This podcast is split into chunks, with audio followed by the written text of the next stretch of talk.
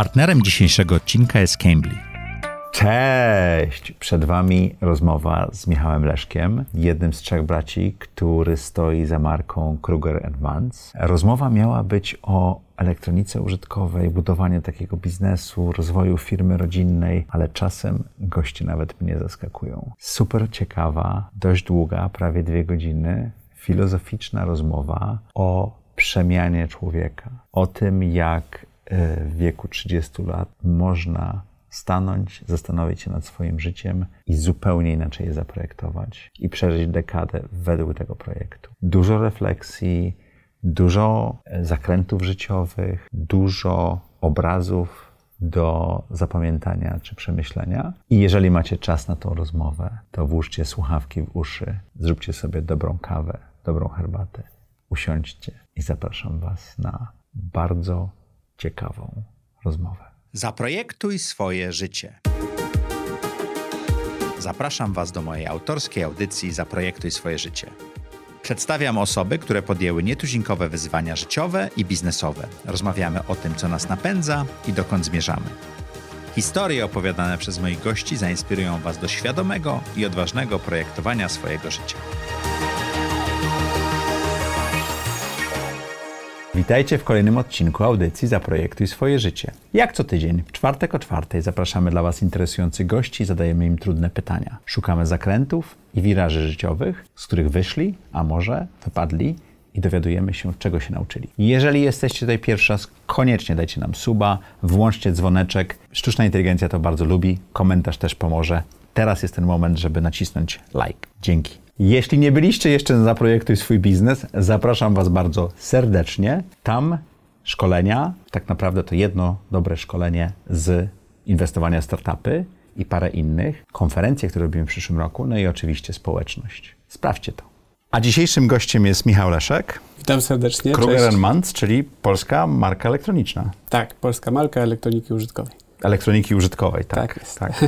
E, To moja branża, także trochę się na tym znam, może coś podpytam. Bardzo dziękuję, że zgodziłeś się przyjść. Przyjemność. Nagrywamy to, słuchajcie, mam totalny luz, nagrywamy to parę dni przed moim wyjazdem na wakacje, więc zobaczymy, jak to pójdzie. Ja wróciłem, także Tak, pełen mamy wa- wakacyjne, a, a będziemy to puszczali pewno we wrześniu, więc zobaczymy, e, zobaczymy, jak te humory będą wtedy pasowały. E, Michale, jak wyglądało do tej pory projektowanie twojego życia? Projektowanie mojego życia to był też bardzo ciekawy proces. Yy, Mhm. W sumie dzieli się na w pewnym sensie dwie, dwie części. Tak, Czyli przed, projektowałeś? przed 30 niespecjalnie, Okej. a po 30 bardzo mocno. Tak? Znaczy taki okres y, dużej zmiany w moim życiu nastąpił w około, w przedziale tak 28-30 to był ten, ten okres takich dużych perturbacji życiowych i sporych zmian w moim życiu i, i tam wydarzyły się rzeczy, które później bardzo mocno nakre, nakreśliły trajektorię. To znaczy po, po tych rzeczach, które się wydarzyły, ja miałem bardzo mocną motywację, by tą trajektorię nakreślić i de facto zacząć. Czyli przestać płynąć z nurtem, zacząć wiosłować? Tak, to że zacząć wiosłować w ogóle w innym kierunku.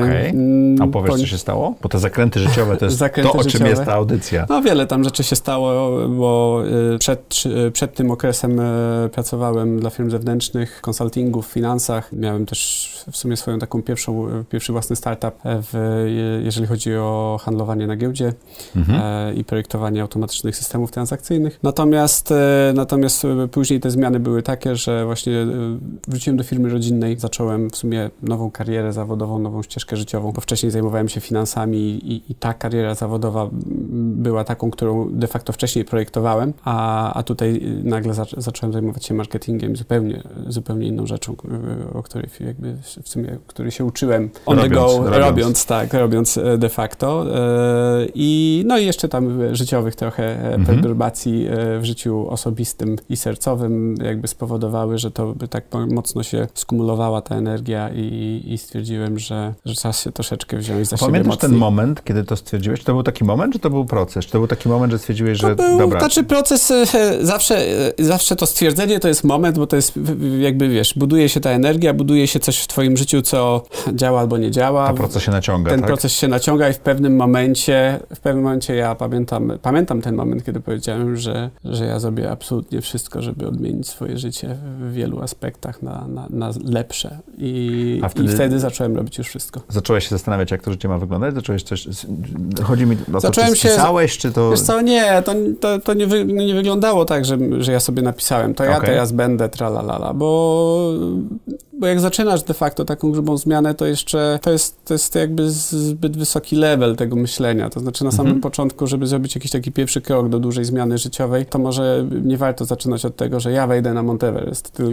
Tylko, Tylko zrobię pierwszy krok. Tak, wyjdę na spacer, nie? Wyjdę Mhm. na spacer i, i to będzie zdrowy pierwszy mój spacer. To jest coś w tym stylu, w różnych tam elementach życia, czy to biznesowym, czy nie wiem, sercowym, mentalnym, psychologicznie, różnie to można tam rozgryźć. To jest bardziej, bardziej coś takiego, a jeżeli wychodzimy jeszcze z jakichś tam problemów większych czy mniejszych, finansowych, czy emocjonalnych, u mnie to bardziej te drugie niż te pierwsze Mhm. występowały w życiu, jakoś kariera zawodowa zawsze mi e, sprzyjała, to, to, to są małe kroki, tak? Małe kroki, które, które mm, później dopiero po jakimś czasie, jak to wszystko się napędza, to, e, to jakby wtedy człowiek może się bardziej zastanawiać nad tym, że ej, skoro zrobiłem tyle, to teraz pytanie, to, to gdzie mogę być? Poszedłem na Kim spacer, mogę, to mogę przebiec teraz, to tak? mogę przebiec, a skoro mogę przebiec, to, to co jeszcze jest możliwe dla mnie, albo kim mogę się stać de facto, to jest w ogóle bardzo takie ciekawe w tym całym procesie. Nie? to wróćmy- Kim mogę się stać? To jest jeszcze tylko taka dygresja, No. bo to jest akurat teraz mam to w głowie, bo często mówimy o tym, żeby wyznaczać cele i na przykład moje takie życiowe doświadczenie było, że jakiś tam miałem ten pomysł na to, co ja chcę osiągnąć, w- w- jakby z,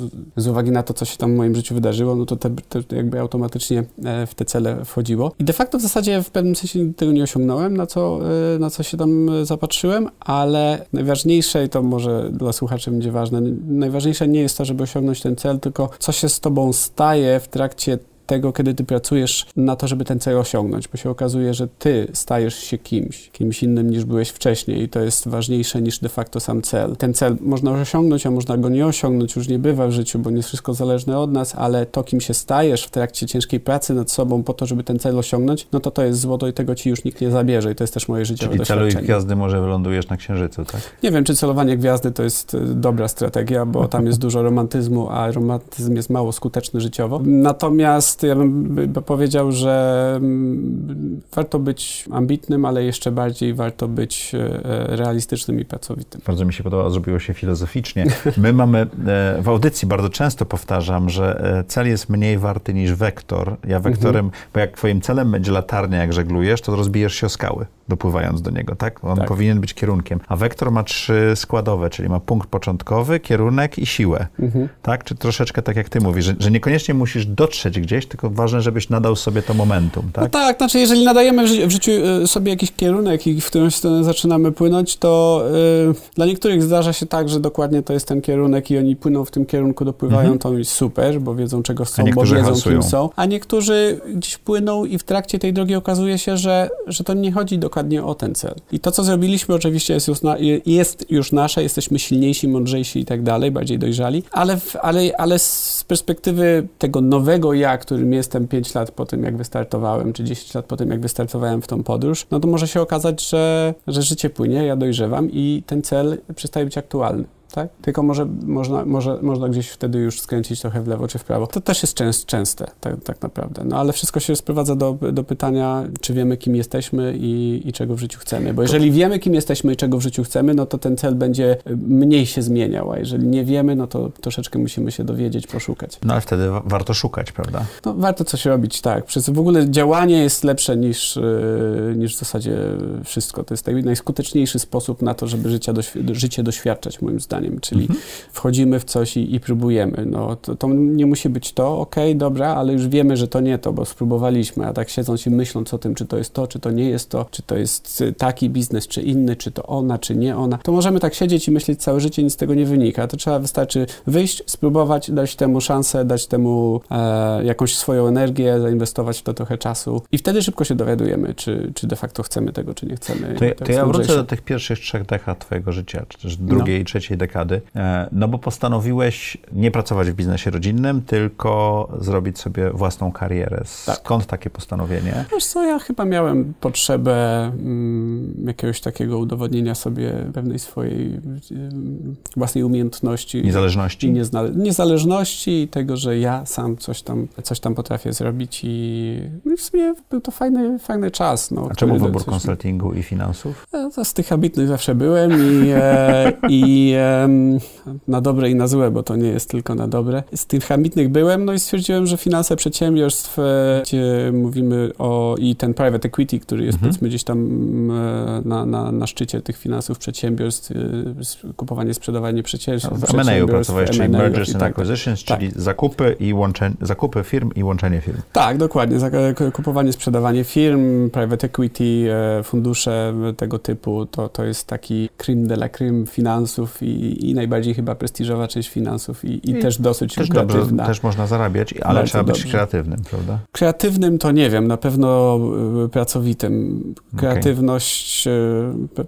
kreatywność nie wiem, czy to jest jakby klucz do sukcesu Trzeba zrozumieć, jakie firmy można kupić, jakie sprzedać, co, co Tak, to trzeba być strategiem bardziej okay, w strategiem. tym zakresie, tak, widzieć możliwości y, arbitrażu na przykład czasowego, mhm. czy, czy różnych tego typu rzeczy. Natomiast sam proces jest, nie jest jakby wielką kreatywnością, jakoś to nie jest, to nie jest to, to, ale trzeba być, tam są przede wszystkim duże wymagania, jeżeli chodzi o godziny pracy i solidność mhm. tej pracy, więc... E, to czego ale, nauczyła cię ten, ten okres w twoim życiu? Że jestem w tym dobry, ale nie chcę tego robić. A to jest dobra lekcja.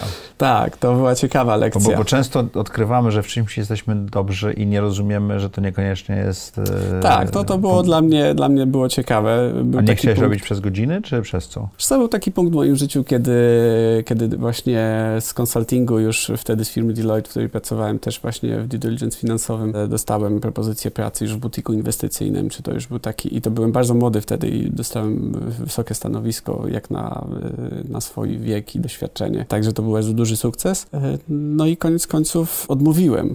Pamiętam, że pamiętam, że, mm, że zarządzający tym butikiem trzy razy do mnie dzwonił i przecierając oczy, czy ja, na czy ja naprawdę... Czy ja dobrze usłyszałem, tak? Tak, czy ja dobrze usłyszałem, bo on nie może uwierzyć generalnie. No i odmówiłem, bo tak jak mówię, no, byłem w tym dobry, bo to jest sporo jest takich e, matematycznych rzeczy mhm. finansowych. Ja wylosowałem genetycznie całkiem nieźle w tym zakresie, więc jakby wdzięczność tutaj w tym zakresie. No więc e, dobrze mi to szło, byłem, byłem w tym dobry, rozumiałem to, ale nie, nie chciałem tak żyć. A nie chciałem tak pamiętasz tak ten moment, jaką decyzję podejmowałeś, że nie weźmiesz tej roboty? Tak, pamiętam do dziś, tak. Opowiesz? Pamiętam. Wiesz co, byłem wtedy chyba jeszcze... Ile miałeś lat?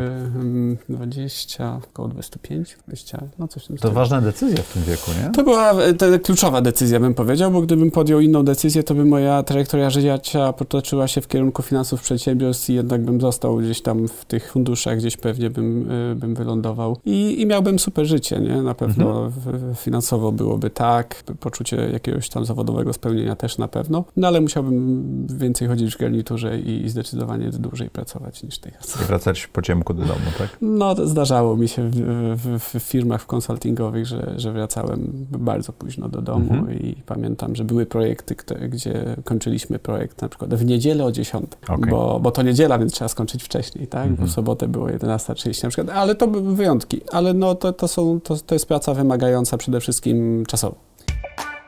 Cambly to platforma do nauki języka, dzięki której opanujesz płynnie angielski, rozmawiając jeden na jeden z native speakerami. Spersonalizowany system nauczania opracowany przez zespół Cambly pozwoli Ci osiągnąć kolejne cele w nauce angielskiego. Dopasowane do Twoich indywidualnych potrzeb kursy, takie jak angielski dla biznesu, konwersacje czy przygotowanie do egzaminu, sprawią, że nauka będzie ciekawa i angażująca. Dzięki intuicyjnej aplikacji mobilnej i lekcjom na żądanie uczysz się w dogodnym dla Ciebie miejscu i czasie.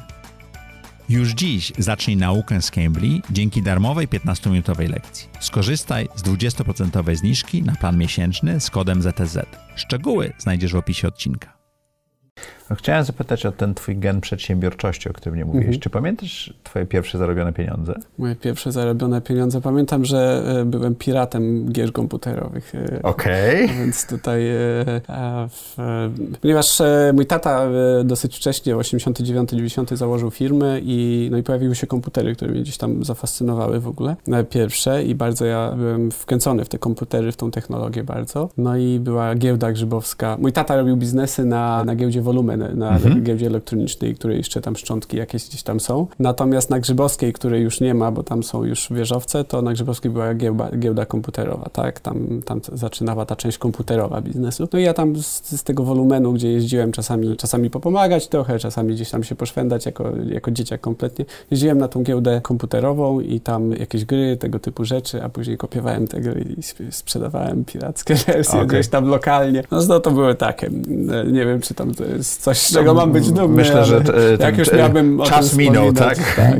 Natomiast tak, to wiesz, ja nie, nie, miałem, nie wiem, czy mam jakiś wielki gen przedsiębiorczości. Na pewno tata jest e, bardzo przedsiębiorczy mhm. i, i tak naprawdę patrząc na niego chyba przez osmozę trochę, trochę się tego człowiek jakby uczył przede wszystkim pracowitości i, i tego, że tak, jakby te, to, takie, te prowadzenie biznesu było w naszej rodzinie po prostu normalne. W sensie tata miał firmę i nie wiem, przyjeżdżały pierwsze kontenery, to, to się wychodziło i pomagało rozładować. rozładować kontenery, pierwsze kontenery gdzieś tam, które gdzieś do garażu, no to nosiliśmy te paczki oczywiście z wielkim fochem czasami na twarzy, jak to młody człowiek, bo przecież mogę grać mhm. w piłkę, a tu trzeba nosić. No ale, ale to, były, to były takie rzeczy i ta firma zawsze była i, i tata jako przedsiębiorca był. Czy to, wpływ, nadal jest. czy to wpłynęło na ciebie, w swoim kształtowaniu ciebie, to, że musiałeś właśnie nosić te rzeczy, czy też, że w, czy w domu się rozmawiało o firmie?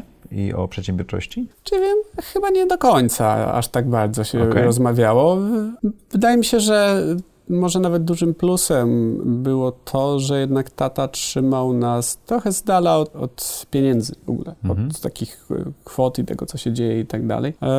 Co gdzieś tam powodowało, że my byliśmy zupełnie, wychowaliśmy się gdzieś tam na wsi pod Garwolinem i, i byliśmy bardzo, bardzo tak, tak w takim normalnym mhm. stylu wychowywani wśród, wśród e, naszych rówieśników. Nie było żadnych po prostu jakichś takich różnic, czy chociaż pewnie finansowo były gdzieś tam już zaczynały Ale się nie zauważałeś. Ja, ja po prostu nie byłem tego częścią. Więc to wydaje mi się, że to z perspektywy takiego dorastania młodego człowieka to wyszło raczej, raczej na zdrowie, nie? Mhm raczej na zdrowie. Natomiast jeżeli chodzi o to, co, całą historię, o, której opowiadam, to chyba, chyba dopiero zacząłem to bardziej rozumieć, kiedy wróciłem do firmy rodzinnej. I... Co spowodowało, że wróciłeś do firmy rodzinnej? Wiesz co, miałem taki startup, bo po mhm. konsultingu z Deloitte'a nie, nie od razu nie wróciłem do firmy rodzinnej, tylko odrzuciłem tam tą ofertę do butiku inwestycyjnego i, i dałem sobie szansę e, pracy na giełdzie, więc byłem traderem przez chwilę, skalpowałem indeksy w takiej firmie Saxon Financials, która była przez chwilę w Warszawie. Tam poznałem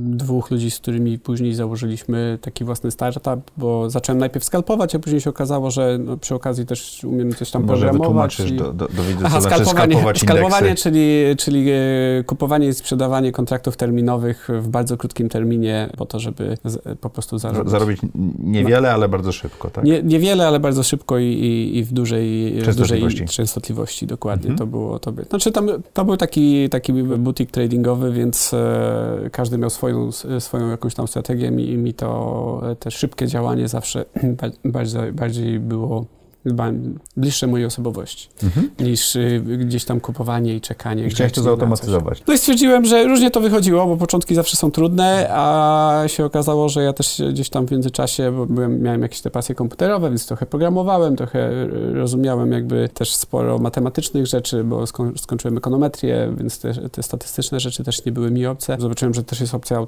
jakby budowania automatycznych systemów, które same zawierają takie mhm. transakcje kup kupna sprzedaży na indeksach, e, na kontraktach terminowych terminowych na indeksy. No i zająłem się z kolei tym i później e, ta firma z Polski wyszła, a my pomyśleliśmy, że, że, że moglibyśmy taki startup założyć. Założyliśmy ten startup, e, startup, który generalnie z day one zarabiał, bo zaraz podpisaliśmy kontrakt z, z Funduszem Polskim, do którego dostarczaliśmy te sygnały e, mhm. z naszych systemów. Czyli byście nie tradowali, tylko mieli software, który umożliwiał innym to robić, tak? My sami nie tradowaliśmy, nie mieliście tylko... swojego, swojego kapitału, którym... Tak, tak. Nie, nie mhm. tradowaliśmy własnym kapitałem, tylko, tylko obsługiwaliśmy generalnie obsługiwaliśmy fundusz y, w małej... Y, czyli nie szukaliście złota, ale robiliście kilofy i łopaty. Trochę tak, trochę tak, czyli jakby dostarczyliśmy te jakby... Moim zadaniem w tym wszystkim było szukanie zależności na rynku i pisanie takich programów, mhm. które, które by dobrze zawierały transakcje kupna-sprzedaży i byłyby długoterminowo zysko, zyskowną Jak długo prowadziliście ten startup? Wiesz co, niedługo, bo to jest też kolejna rzecz, to, to, był taki, taki był bardzo y, okres wielu zawirowań, bo to był mhm. ten moment, kiedy ja właśnie zacząłem trochę prywatnie mi się tam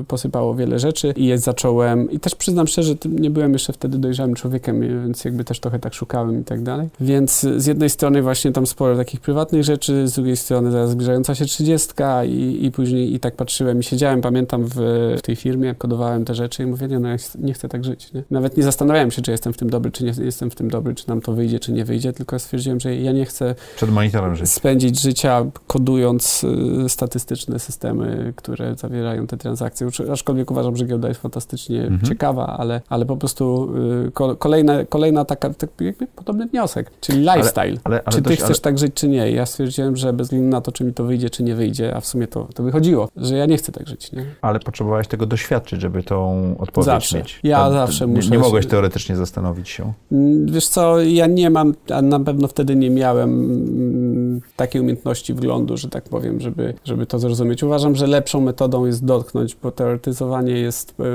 obarczone sporym błędem, więc y, warto w coś wejść i zobaczyć, bo mhm. czasami się okazuje, że coś, co nam się wydaje nieciekawe, powodu, jakby powoduje, że mamy taki lifestyle i takie życie, że że mówimy, nie no, ja chcę tak żyć, nie? A czasami coś samo w sobie jest niezwykle ciekawe i ekscytujące, ale, ale praca nad tym już jest zupełnie innym tematem, nie? Bo giełda jest ekscytująca, ale kodowanie no, software... kodowanie jest kodowaniem, nie? Na mhm. przykład, nie? Albo nie wiem, no, możemy powiedzieć coś takiego, że pracowanie gdzieś tam w NASA to jest, albo NASA, podróże kosmiczne i tak dalej, nie? Wow, super, nie? Super ciekawe. No super ciekawe, jak grasz w grę komputerową, jak nie grasz w grę komputerową, to siedzisz w jakichś tam równaniach w komputerach, siedzisz w zamkniętym budynku przez 12 godzin dziennie i to jest twoje pracowanie w kosmosie.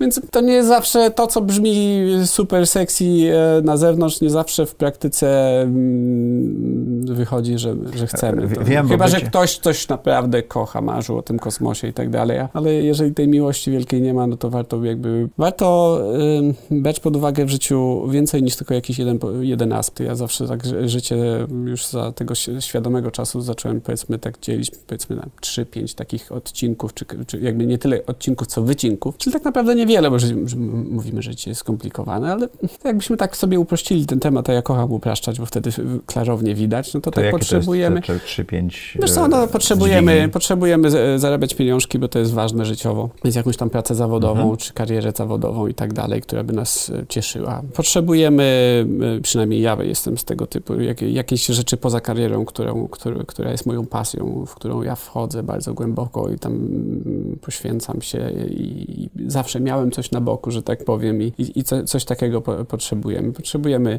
generalnie wiedzieć, y, gdzie i jak chcemy mieszkać, czyli jakby takiej lokacji życiowej i tak dalej. Zdrowie i ogólnie te, ten, ten aspekt, tutaj można włożyć jakiś ogólny stan zdrowia, czy, czy jakieś sportowe rzeczy, czy jak to ten. No i tak naprawdę relacje i pozdrawiam. No to już jakby więcej już rzeczy, rzeczy mhm. nie miała. Jeżeli mamy karierę zawodową, plus czasami ta kariera zawodowa też jest naszą pasją i to się łączy, ale to jest rzadkość. Tak by, no to też tak, można zdrowie do tego dołączyć, rodzinę. Tak, no tak, wszystko można do tego dołączyć, ale jakby mówmy, mówmy e, o to, z pasji mam wiele. ale okay. jeszcze tylko jedną taką uwagę na boku, bo często mówimy, to się pojawia właśnie bardzo w przestrzeni, bo widzimy ludzi, którzy właśnie mają e, e, karierę zawodową, która jest ich pasją i przy okazji zarabiają na tym miliardy dolarów i w ogóle tralalala. Tak, ale warto się do nich nie porównywać, bo równie dobrze ktoś dzisiaj wygra w totolotka, ale to nie znaczy, że to jest dobry sposób na zarabianie pieniędzy. Po prostu prawdopodobieństwo aż takiego sukcesu jest tak małe, że lepiej naprawdę patrzeć na siebie jako na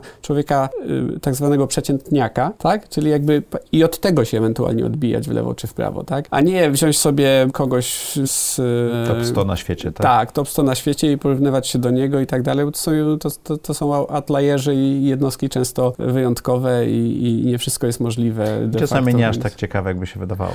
Różnie to bywa właśnie, Jak bo się czyta nie jesteśmy... biografię Warrena Buffetta, to człowiek się dowiaduje, że no wszystko fajnie, ale życie prywatne i inne aspekty życia. Dlatego tak mówię, jest pięć, nie? I kuleją, żebyśmy nie, tak. zapomnieli, nie zapomnieli o tym. To jest w ogóle coś, czego ja dopiero od niedawna doświadczam, bo zawsze miałem z tym problem, czyli balans życiowy, tak? Czyli żeby zobaczyć te trzy, pięć rzeczy i żeby powiedzieć, ok, moje życie będzie rzeczywiście lepsze, jakościowo lepsze, jeżeli ja zajmę się wszystkimi pięcioma rzeczami na 80%, a nie jedną na 150%. Ale to również oznacza, że świadomie możesz decydować się nie zarabiać tyle pieniędzy, co mógłbyś zarabiać, bo... Gdyby zarabianie pieniędzy było funkcją czasu poświęconego na to, to wtedy, jeżeli ty jako przedsiębiorca pracujesz 8 godzin i, i, i pani Hania, która pracuje na kasie w Biedronce, pracuje 8 godzin, to powinniście zarabiać tyle samo. Więc to troszeczkę tak nie działa. Okej. Okay. Tak? Więc, e, więc e, zarabianie pieniędzy e, Ale jak uważam, prowadzisz firmę jest, no... i skupisz się na niej bardziej, okay. to masz szansę ją pchnąć dalej. Jak prowadzisz... Albo zepsuć. To zależy od wielkości zespołu i jakości zespołu. to masz, zależy nie? od jakości twoich decyzji. Jak mhm. bardzo jesteś zaangażowany i ciężko pracujesz i podejmujesz duże decyzje, to ciężka praca ci nie pomoże. No ale jak podejmujesz duże decyzje, to raczej nie masz firmy. Masz. Możesz mieć firmę, możesz mieć super cztery pomysły, a później dwa słabe. Okay. No, no to, jest jak w tradingu, nie? Jakby zawierasz transakcję, e, powiedzmy, nie wiem, grasz wigiem na długo i wiesz, twoje prawdopodobieństwo sukcesu jest jak rzucenie monety, nie? Jakby nie ma Nostradamusów i nikt nie, przewi nie przewiduje przyszłości, nie? Możesz wygrać, możesz, możesz przegrać, nie? I nawet jak ten trade wygrasz, to następny znów możesz wygrać, możesz przegrać. Czyli, tak samo jest w... Czyli survival bias jest bardzo niebezpieczny, bo jeżeli masz tych trade'ów czy decyzji biznesowych dużo, to wydaje ci, że chodzisz po wodzie nie pozostawiając kółek, a tak no, niekoniecznie jest. Tak? Niekoniecznie tak? tak jest, to jest jedna rzecz, ale wiesz, z drugiej strony wchodzi doświadczenie, czyli twoja mhm. jakość podejmowania decyzji wzrasta z uwagi na to, że już wiesz, y, gdzie jesteś idiotą, a gdzie nie jesteś idiotą Jeżeli i to nie pomaga. popełniasz błędów, to jeszcze nie. Jeżeli nie popełniasz błędów, to, to, to nie, ale chyba takich osób y, nie ma. Nie? O, jest dużo młodych przedsiębiorców, którym się po prostu udało. I, I, super, i super. Tylko jeszcze nie popełnili błędów. I może nie popełnią, bo to nie znaczy, że każdy mhm. super się uczy na błędach. Znaczy, może tak, to ciężka sprawa jest, ale to, to jest niezwykle skuteczne. Tak. tak? niezwykle skuteczne. Wiesz, jeżeli masz możliwość nie popełniać błędów albo, y, wiesz, to, to lepiej, nie? No lepiej. Ktoś może, nie wiem, jakiś durny przykład, wiem, ktoś może palić papierosa, a później dojść do wniosku, że jednak to jest niezdrowe, a ktoś od razu jakby podchodzi do tego i mówi, nie, to jest niezdrowe, nigdy nie będę palił, nie? I teraz, wiesz, no, jeden się nauczył na swoim błędzie i to jest takie gloryfikowane, no bo, wiesz, jest historia do opowiedzenia, nie? A drugi nie ma żadnej historii, po prostu wszystko było dobrze, nie? I wiesz, okay. i teraz pytanie, co się lepiej sprzeda na YouTubie, nie? Nie, no historia. Byłem, byłem y, słaby i beznadziejny, a teraz jestem super, nie? Więc, y, wiesz, no, tak z dystansem, nie, bym powiedział, nie? Jeżeli ktoś może nie popełniać błędów, to nie popełniajmy ich, nie? Jeżeli ktoś może przejść przez życie możliwie jak najbardziej łagodnie, to... Yy, to warto. No, wiesz, no chyba tak, nie? Chyba tak. Aczkolwiek te życiowe wyzwania warto podejmować, ale to nie znaczy, że warto przy nich krwawić, bo to nie jest to samo, nie? Tak, jesteśmy mocno filozoficzni, to jak spowodować, żeby mniej krwawić albo nie krwawić na życiowych wyzwaniach? Bo czasami wchodzimy w no. sytuacje, no. w których nie zdawaliśmy sobie Tak, tak, tego, tak. Na ten moment, y, w którym ja jestem, to bym powiedział, że kilka takich y, haseł powiem, które są bardzo niezwykle ważne. E, samoświadomość, e, świadomość procesu, pokora, cierpliwość, pokora, cierpliwość. To bym powtórzył jeszcze kilka razy te dwie rzeczy. Refleksyjność, to znaczy jakby analizowanie czy swojego życia, czy swoich wyników i tak dalej i szybkie wyciąganie wniosków, bo wejście w działanie, które jakby jest błędem nie jest problemem. Siedzenie w tym błędzie przez 10 lat to już jest większy problem. Czyli ok, zaczynamy coś robić, nie idzie. Ok, no dobra, no to damy temu jeszcze więcej czasu, może pójdzie. Dobra, nie idzie. Dobra, to kiedyś musimy zamknąć jakby tą stratną pozycję, jak to się mhm. mówi na giełdzie, tak? To zarządzanie ryzykiem, zarządzanie stratami tutaj, czyli jakby szybko wychodzić z rzeczy, które, które nie działają, maksymalizować na rzeczach, które działają, więc y, to jest ta, ta rzecz. Ale naj, najważniejsze, jak dla mnie, to jest y, oprócz jakby samej pracowitości, no bo to jest jakby kluczowe zawsze, to jednak świadomość procesu, cierpliwość i pokora. Y, Plus, może jeszcze jedno powiem. Okay. to jest taka refleksja, którą też często mam. Związane też z wyznaczaniem celi, nie? Y, żebyśmy podejmowali walkę, w której mamy Szanse. większe prawdopodobieństwo mhm. sukcesu. To jest często na przykład duży, duży błąd, nie? że okej, okay, jakby wyznaczmy sobie cele, no ale jakie cele? I teraz jakby, jakby sobie wyznaczymy cele, które mają niskie prawdopodobieństwo sukcesu, będzie ciężko i będzie długo. I będzie, ale będzie są też modele biznesowe, które nie mają prawdopodobieństwa sukcesu, bo wymagają olbrzymiego czasu i kapitału, a, a, nam się śpieszy i to wtedy nie warto. To zależy, bo Amazon tak zbudowali, wiesz. Jakby. no, no, trwało to długo i nie zarabiało dalej bardzo masz długo. Nie? survivorship bias, czyli jeden, który przetrwał, Tak, ma i- być wzorcem dla wszystkich, tak? Znaczy tak budują ludzie, jeżeli masz wystarczająco dużo czasu i dużo kapitału, to możesz zrobić sporo różnych rzeczy, bo przetrwasz po prostu... e, I, wszystkie błędy, które przy- Bezos i team popełnili. Błędy jak błędy, które popełnili, bo to nie chodzi o. Firephone i tego typu rzeczy. To są, Okej, są ale- miliardy dolarów, które zostały spalone. No tak, ale no nawet nie chodzi o to, że, że ktoś tam popełnił błąd, tylko chodzi o to, że jak masz, masz kapitał i czas, to jesteś w stanie wytrzymać dłużej niż wszyscy inni. Tak. I wtedy ty zostaniesz na polu walki, wtedy, kiedy już wszyscy się wykrwawili, nie? Tak. To jest mniej więcej też taki, taki, taki case, nie? Że jak masz czas i kapitał, to, to rzeczywiście możesz pozwolić sobie, pozwolić sobie na więcej. No i tak, tak dużo funduszy y, zarabia spore pieniądze, chociażby powiedzmy, nie wiem, MCI z Answer, no to jest taki przykład, który jest ostatnio, e, ostatnio myślę na czasie, tak, bo e, Answer wyszedł na, wyszedł na giełdę, zresztą w, w, super momencie, bo był hype na internetowe rzeczy, bo była pandemia. No ale to, to była firma, do której dokładali tam z 10 czy 15 milionów rocznie przez tam 5-10 lat i, i dopiero później e, przy wyjściu na giełdę to się Zwróciło. Tak, dokładnie. Mniej więcej nie wiem, jakie tam dokładnie są e, z tej inwestycji zwroty, ale, ale mniej więcej to jest taki sposób funkcjonowania. Tylko, że wiesz, no musisz mieć, powiedzmy, jeżeli dokładasz po 10 baniek przez 10 lat, to musisz mieć 100 baniek, które sobie dorzucasz, bo ty wiesz, że to, mm, to się uda. No i to ryzyko, że się nie uda też jest, nie? Oczywiście. No ale to są różne modele jakby prowadzenia biznesu. Ja akurat w tym zupełnie nie siedzę. My bardzo organicznie budujemy biznes, na, nasz biznes i nasze marki o kapitał e, stuprocentowo własny. To dzisiaj jest to firma rodzinna. To, to przejdźmy do tego. Mhm. Zostawiasz startup Zostawiam startup i wracam do firmy rodzinnej, tak jest. i jak wyglądała ta rozmowa w domu? Co, rozmawiałem z moim starszym bratem, który jest, e, jest u nas e, prezesem w ogóle w, naszej, w naszej spółce rodzinnej i mnie zachęcał. On mnie zachęcał już od jakiegoś czasu. Mówi, no wróć, zbudujemy to, zbudujemy tamto i tak dalej, i tak dalej. I, i w, zasadzie, w zasadzie tak to wyglądało, że głównie, głównie ta taka, taka zachęta była e, w dużej mierze ze strony mojego starszego, za starszego Sukcesja brata. w firmie rodzinnej nie jest rzeczą oczywistą. Wiele badań pokazuje, że masz tam szanse podobne jak w startupach. 2 na 10, 2 na 10 może 3 na 10 odnoszą sukces. W Polsce w tej chwili bardzo dużo firm podlega sukcesji, bo te biznesy z lat 90. Tak, no to jest ten czas, To kiedy... jest ten czas, kiedy są przekazywane. Jak to się stało, że u Was ta sukcesja odbyła się z, su- z sukcesem? Wiesz co, to chyba, chyba trzeba podziękować e, nawet mm, ludziom najmniej zaangażowanym w biznes rodzinny, czyli jak na przykład mamie na przykład, tak, Okej. między innymi.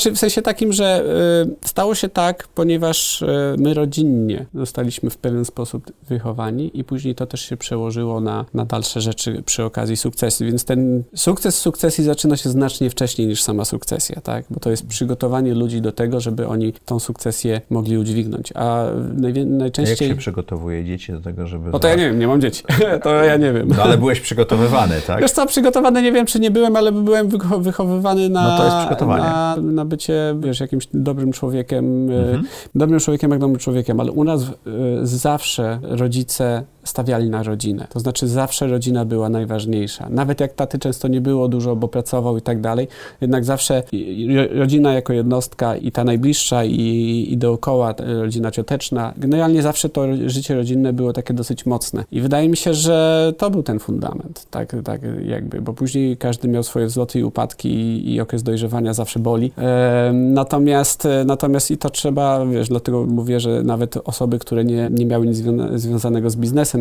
jakby miały wpływ na sukcesję, czyli mama, tak, bo tata w biznesie, a mama poza biznesem się realizuje e, naszym rodzinnym, więc tata, mama na pewno mieli wpływ duży, a kolejną rzeczą to jest, wiesz, dojrzałość e, ludzi, którzy w tą sukcesję wchodzą. Jakie są największe problemy z sukcesją? E, Generalnie są dwa. Walka o władzę i pieniądze. Czyli ego. Ego, tak, ale no władza i pieniądze to jest to, to, jest Mhm. to co, co jest do rozdania, tak? Mhm. Władza, pieniądze, czyli jakby z jednej strony jest jakiś, z braku laku powiem, spadek, tu oczywiście Mhm. jest to taka... No ale jest dwóch Forma. braci, który będzie prezesem, tak? Starszy, młodszy, mądrzejszy. Tak, no u nas jest trzech nawet, nie? Trzech braci. Tak, no to, trzech to, braci. To, to jak to podzielić, tak? I, I teraz, no co, u nas... U nas Królestwa, królestwa się z tych powodów rozpadały, prawda? Tak, tak, z tych plus przez kobiety. E, To, co ja mogę powiedzieć ludziom, którzy będą taki proces przechodzili albo, albo przechodzą właśnie, to jest to, żeby, żeby sobie uświadomić, e, że przede wszystkim łódź potrzebuje jednego kapitana, a nie pięciu. Też trzeba mieć świadomość, a, czy ja jestem najlepszym kandydatem dla kapitana, e, dla statku, tak? Czy ja jestem najlepszym To jest ten moment, kiedy mamy dobry dialog z ego i wyłączamy no to czasami jest, to, tak? To, jakby to dobrze sformułować. No, trzeba mieć tą samoświadomość i, mhm. i, i, i świadomość. I autorefleksję. I autorefleksję. Trzeba mieć po prostu troszeczkę patrzeć na życie nie z perspektywy tylko własnego nosa, tak? I trzeba sobie uświadomić jedną rzecz. Okej, okay, skoro ja będę właścicielem firmy, tak? Bo będzie ta sukcesja, będę współwłaścicielem firmy, to mój sukces zależy od sukcesu firmy de facto. Tak? A nie mojego tylko. Firma jest wartością nadrzędną w tym zakresie. Mhm. I na przykład u nas zawsze jest najpierw firma, tak? Znaczy naj, najpierw rodzina, później firma, a później jakieś osobiste rzeczy dopiero. Ponieważ z tej firmy żyjemy i to jest nasz wspólny sukces. No dobra, to teraz tak. Skoro firma jest, jest tym wehikułem, dzięki któremu ja mogę mieć takie cudowne życie, no to teraz to ja chcę dla tej firmy jak najlepiej. Czy to, że ja będę prezesem, to jest dla tej firmy jak najlepiej? Czy to, że mój brat starszy będzie prezesem, to jest dla tej firmy jak najlepiej? I, i te, wtedy trzeba mieć refleksję, nie na zasadzie zasadzie, bo ja to, bo mi się należy i tak dalej, tylko na zasadzie, nie, ja długoterminowo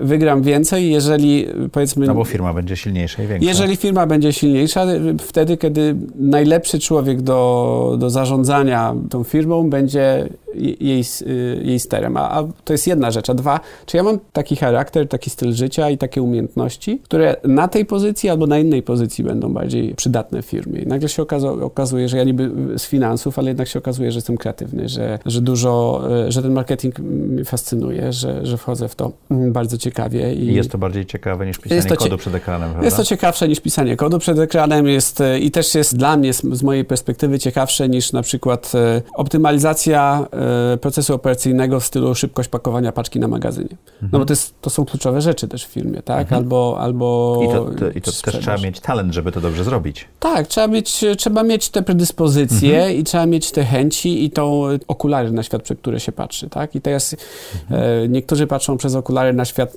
e, pod tytułem właśnie tak, e, gdzie coś zoptymalizować, gdzie coś usprawnić, niektórzy patrzą przez inne, tak? I myślę, że to, to ta sama świadomość siebie i, i, i świadomość też innych i, i, całego, całej, całego tego otoczenia i tego biznesu, no, e, powoduje, że łatwiej sobie poukładać w głowie, że zaraz, to ja lepiej, żebym znalazł swoje miejsce w szeregu, tak? I był w tym szeregu po prostu zawodnikiem, który dla swojej drużyny będzie na tej pozycji robił najlepszą robotę, bo chodzi o to, żeby drużyna wygrała, nie? No to jest, to jest właśnie trochę na zasadzie, to nie chodzi o mnie, chodzi o, chodzi o firmę. A jeżeli chodzi o firmę, to co jest najlepsze dla firmy? I nagle się okazuje, że, że to, co jest dla, najlepsze dla firmy, jest też najlepsze dla mnie. To jest bardzo ciekawe. I ja też yy, w tym miejscu, w którym, w którym jestem w, w, swoim potencjale, ja też jestem najszczęśliwszy, tak? I, I tam, gdzie ja mogę swoje jakby talenty i umiejętności wykorzystać do tego, żeby budować tą firmę, to jest też ten moment, w którym i firma z tego najlepiej korzysta i ja z tego najlepiej korzystam. Życiowo. Życiowo i w ogóle, wiesz, jakby no, zawodowo przychodzisz do pracy i robisz to, to,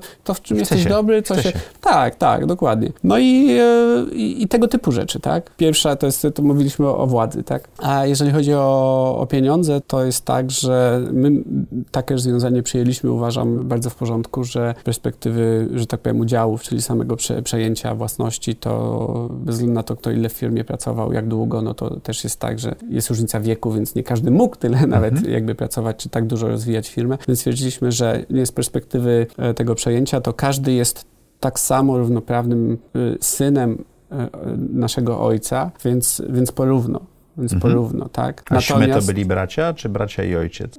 Yy, że stwierdziliśmy. Mieli, bym powiedział nawet, że to taka moja inicjatywa była mocna, bo pomysłów okay. było wiele, ale, ale ja tutaj dosyć mocno stanowisko wypowiedziałem. I bardzo dobrze zresztą, bo to stanowisko przeszło i wszyscy to zrozumieli. I, i, I jest pewna, pewien poziom równości na poziomie własności. Jest poziom równości na, na, na, poziomie własności, czyli tak, każdy dostaje, każdy jest tak samo, takim samym synem mhm. naszego ojca, że tak powiem, w tym zakresie, tak? Ale na na poziomie już, tak powiem, A zasług, a B aktualnej wykonywanej pracy na dany moment, no to już są różnice, czyli okay, to jakby powiedzieliśmy się porówno, jeżeli chodzi o własność, natomiast e, jeżeli ktoś w tej firmie pracował przez 5 lat dłużej i, i, i, był bardzo mocnym motorem napędowym, no to jakaś kompensata jednorazowa za zasługi, okay, to jest jakby kolejny temat, a już zupełnie kolejny temat to jest, okay, dzisiaj pracujemy, e, mamy podzielone tak, że e, mój starszy brat Mariusz jest, jest naszym prezesem, Marcin jest dyrektorem, market, dyrektorem młodszy brat dyrektorem e, finansowym, a ja marketingu, czyli mamy po prostu mhm. podzielone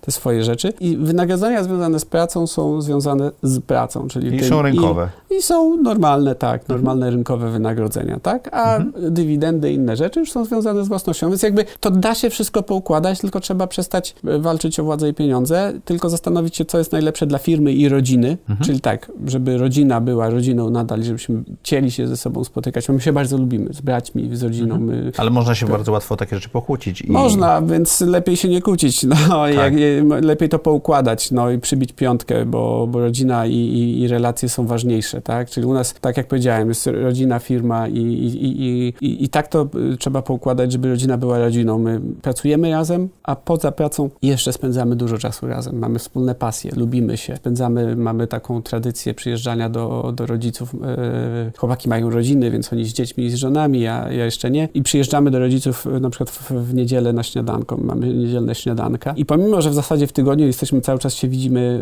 e, bo, bo pracujemy razem, to jeszcze w niedzielę spotykamy na mhm. śniadanku mhm. i chcemy razem być, bo, bo się po prostu bo lubimy. Jesteście rodziną. Bo jesteśmy rodziną, lubimy się i to, jest, to, jest, to są te priorytety dla nas. A powiedziałeś coś bardzo ważnego, co ja bardzo często rozmawiam z przedsiębiorcami, że bardzo ważnym jest rozdzielenie własności od pracy w sposobie kompensacji, e, bo własność może zależeć od czasu, inwestycji, ryzyka, tego typu rzeczy. U Was to jest wynikało z, z podziału majątku, ale praca jest jednak powinna być wynagradzana Stosownie. od czasu, od tak. rynku, od sukcesu. Właściwie, od nie? Typu, żeby tak. wszystko było właściwie, żeby wszystko było tak, że siadamy i nikt się nie czuje, wiesz, oszukany, nikt się nie czuje, że niedowartościowany w jakiś sposób i żeby każdy, każdy miał to poczucie, że nie, no tak, no, na, na ten moment ja wkładam tyle, a nie wiem, mój brat czy wkłada tyle i ja nie mam problemu, że on, nie wiem, zarabia dwa czy trzy razy więcej ode mnie, jeżeli tak trzeba by było, jeżeli taki jest rzeczywiście stosunek pracy. To też jest pokora, tak? Taka wewnętrzna na zasadzie i taka świadomość tego, że no tak, no jakby, nawet jakby się chciało nie wiadomo co, to trzeba realnie spojrzeć, no tak, ale zaraz jakby realnie to, gdzie ja jestem, co ja robię, jak to się przekłada na jaki wyniki, mam wpływ na firmę. jaki mam wpływ i tak dalej, a, a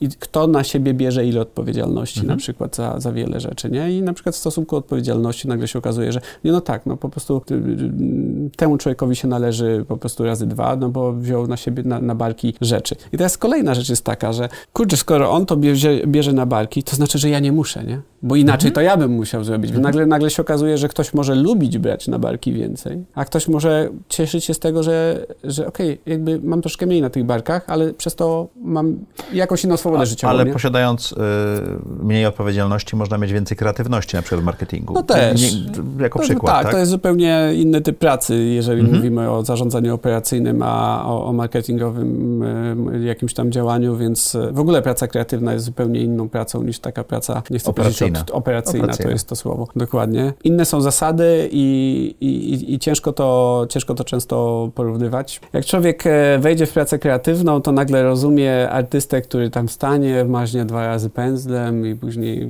się pójdzie na spacer, a później maźnie zależy pędzlem. No, to, no, trochę przesadzam, ale to troszeczkę czasami tak jest, że, że ten proces kreatywny to nie do końca działa tak, że ja po prostu im więcej włożę godzin czy czegoś, tym jest nagle... zupełnie nieliniowy. Tak, to jest, to rzeczy się przydarzają, na przykład, bo się wyśpisz, nie? Ma Malcolm Gladwell kiedyś powiedział bardzo fajną rzecz a propos pisania. No. E, żeby pisać genialne teksty, trzeba pisać codziennie ale większość z tych tekstów nie będzie genialna. No większość tak. po prostu będzie poniżej średniej nawet. No. Ale raz na jakiś czas właśnie fajnie powiedziałeś, bo się wyśpisz, no, wiesz, bo temperatura też... wody w prysznicu będzie inna i twój mózg inaczej zadziała. Coś tam się kumuluje, kumuluje się też twoje życiowe doświadczenie i, i często się e, to I życiowe... kropki się łączą. Tak, kropki się łączą i to jest najciekawsze, e, że kropki się łączą z wielu dyscyplin. Mhm. Ja to kocham w życiu swoim, lubię wyciągać wnioski z jednego aspektu swojego życia i przekładać na wszystko inne i, i widzę, że to działa po prostu, tak, więc to jest w ogóle fa fajne, jak, jak można się rozwijać w ogóle jako człowiek gdzieś tam dojrzewać sam w sobie, do, do, czy do roli firmy, czy do roli jakiejś tam życiowej. To jest, to jest taki temat fascynujący. A to dojrzewanie w dużej mierze polega też na tym, żeby zacząć rozumieć życie i procesy, w którym życie, biznes, procesy, w którym te, te rzeczy następują i zamiast chodzić jak dziecko we mgle, to y, po prostu w pewnym momencie nagle człowiek zaczyna wiedzieć, co robi. Mhm. tak, a przynajmniej z większym prawdopodobieństwem wie, co robi, bo ma już jakieś tam swoje doświadczenia. No i, i życie i biznes jest, jest, jest, jest chyba taką, taką iteracją tych y, różnych pomysłów, prób i, i wychodzenia z tych prób, które się nie udały. To ja sprowadzę się na chwilę do biznesu i, i, branży, którą trochę znam, czyli elektronika mhm. użytkowa.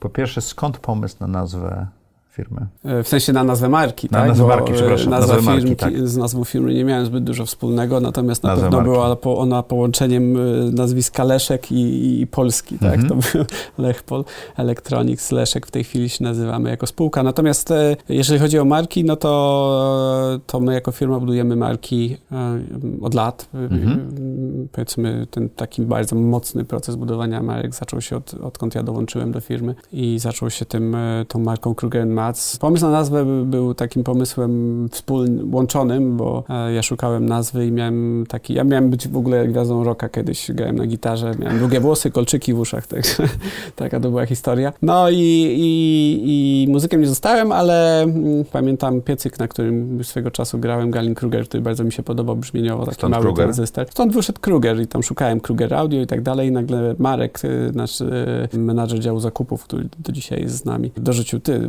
dorzućmy Mac, Kruger Mac. No i przybiliśmy pionę i tak, y, tak to takim łączonym sposobem Proces, proces nazwa. stuprocentowo kreatywny, jak mówisz, tak? No taki, tak, to są, to są jakby tworzenie takich rzeczy różnych. To w ogóle fajne, ciekawe. To był, to był fajny okres, w którym bardzo byłem zaangażowany w ogóle. W A jak produkty w elektronice użytkowej są bardzo trudnym rynkiem, bo bardzo szybko się zmieniającym, klienci są wymagający. Tak. Jak I dobierać- niestety niskomarżowym. i niskomarżowym i w software'ze iterację możesz zrobić w kilka godzin. Y, Tutaj produkt musi być zmontowany, stworzony, dopłynąć, sprzedać się i trafisz, nie trafisz, to też różnie bywa. Tak. Jak dobieracie kategorie, produkty, dostawców, y, żeby to działało? Wiesz co, no to jest, to jest de facto to, czym my się zajmujemy. Jeżeli Mhm. bym powiedział o core, core business to, e, nasz, to bym powiedział, że to jest wdrażanie produktów na rynek. Tak? To, jest, to jest to, czym my się zajmujemy na co dzień w największej mierze. To jakby naj, najbardziej kluczowy czynnik naszego sukcesu to plus oczywiście dystrybucja, czyli, czyli, czyli jakby cała siatka sprzedaży, która była budowana przez, przez, ponad, lata. po- ponad 30 lat. Więc to, to, jest, to jest to, czym się zajmujemy. I w jaki sposób, wiesz co, do początki, początki były, jeżeli chodzi o na przykład markę Kruger że, że to wychodziło z jakiejś tam mojej fascynacji muzyką, czy pasji do, muzy- do muzyki, więc jakby rozpoczęliśmy od jakichś tam prób, jakieś słuchawki, jakieś takie e, sprze- sprzęt audio do samochodu, tego typu rzeczy. Prób, które były blisko tego, co już robiliśmy, Mhm. bo wcześniej mi- mieliśmy też jakieś tam y, samochodowe rzeczy i tak dalej. Więc y, staramy się rozwijać ofertę w taki sposób, że ona, żeby ona była możliwie blisko tego, co już robimy, tak? Żeby to nie był zupełnie nowy rynek albo zupełnie jakaś nowa przestrzeń, w której będziemy musieli budować. Czyli jakby bie- bierzemy pod uwagę to, że mamy jakąś grupę klientów, szeroką sieć dystrybucji i teraz co taki nasz klient jeszcze potrzebuje, tak? Albo co on już ma, co nie, ma od Nie nas. odjeżdżacie, tylko raczej powoli rozszerzacie. Powoli rozszerzamy, tak? No ale to powoli rozszerzanie powoduje, że od tego pierwszego to już jesteśmy daleko, Tak, nie? oczywiście. Ale, ale generalnie organicznie na zasadzie takiej, że my jesteśmy po to, żeby naszym klientom ułatwić e, de facto zarabianie pieniędzy. Czyli e, kiedy mówię naszym klientom, to mówię o naszych klientach hurtowych, o Mhm. naszych klientach, którzy mają własne sklepy, Ka- tego kanałowej dystrybucji. kanałowej dystrybucji takiej czy innej, czy, czy, czy w firmach zagranicznych, które posiadamy. I teraz no, my jesteśmy po to, żeby ułatwić im zarabianie pieniędzy, bo jak oni zarabiają, to my będziemy też zarabiać, tak? Mhm. Bo ich sukces jest naszym sukcesem, więc my patrzymy, co oni mają, a co my moglibyśmy mieć, to wtedy ewentualnie jakby walczymy Mhm. z konkurencją, tak? Albo co oni jeszcze nie mają, a mogliby mieć w swoim sklepie, co by dodatkowo im zwiększyło sprzedaż, to przez to też nam jakby zwiększy sprzedaż. No to, są, to jest jeden z takich podstawowych rzeczy. Druga taka rzecz to jest taka, że mamy jakąś kategorię i pytanie, co jeszcze w tej kategorii możemy dołożyć. Nie wiem, wchodziliśmy z marką Tesa na rynek, na rynek małego AGD e, przez ostatnie, już pewnie taki mocny rozwój przez ostatnie 5 lat mieliśmy produktowy, jeżeli chodzi o tą markę. No to też zaczęliśmy od jakichś tam kilku rzeczy, a później mówimy, ok, skoro mamy czajnik, żelazko, coś tam, to co jeszcze możemy mieć? A, to odkurzacz pionowy jeszcze i tak dalej. Czyli jakby staramy się wypełnić kategorię, czyli było, było hasło, ok, wchodzimy w AGD, będziemy wypełniać to AGD. I teraz e, zaczęliśmy od właśnie o czajnik, żelazko, tego typu rzeczy, a w tej chwili mamy już garnki, noże kuchenne i nagle się okazuje, że w zasadzie to nie jest elektronika, nie? Więc tego typu rzeczy i to się rozwija, czy grille gazowe, które, Mhm. które, które mamy też w tej marce. Marka Kruger Mat może jest bardziej taka homogeniczna, bo to jest jakby elektronika i tam, tam poza elektroniką w zasadzie rzeczy nie występują. E, Ile marek macie w tej chwili w firmie?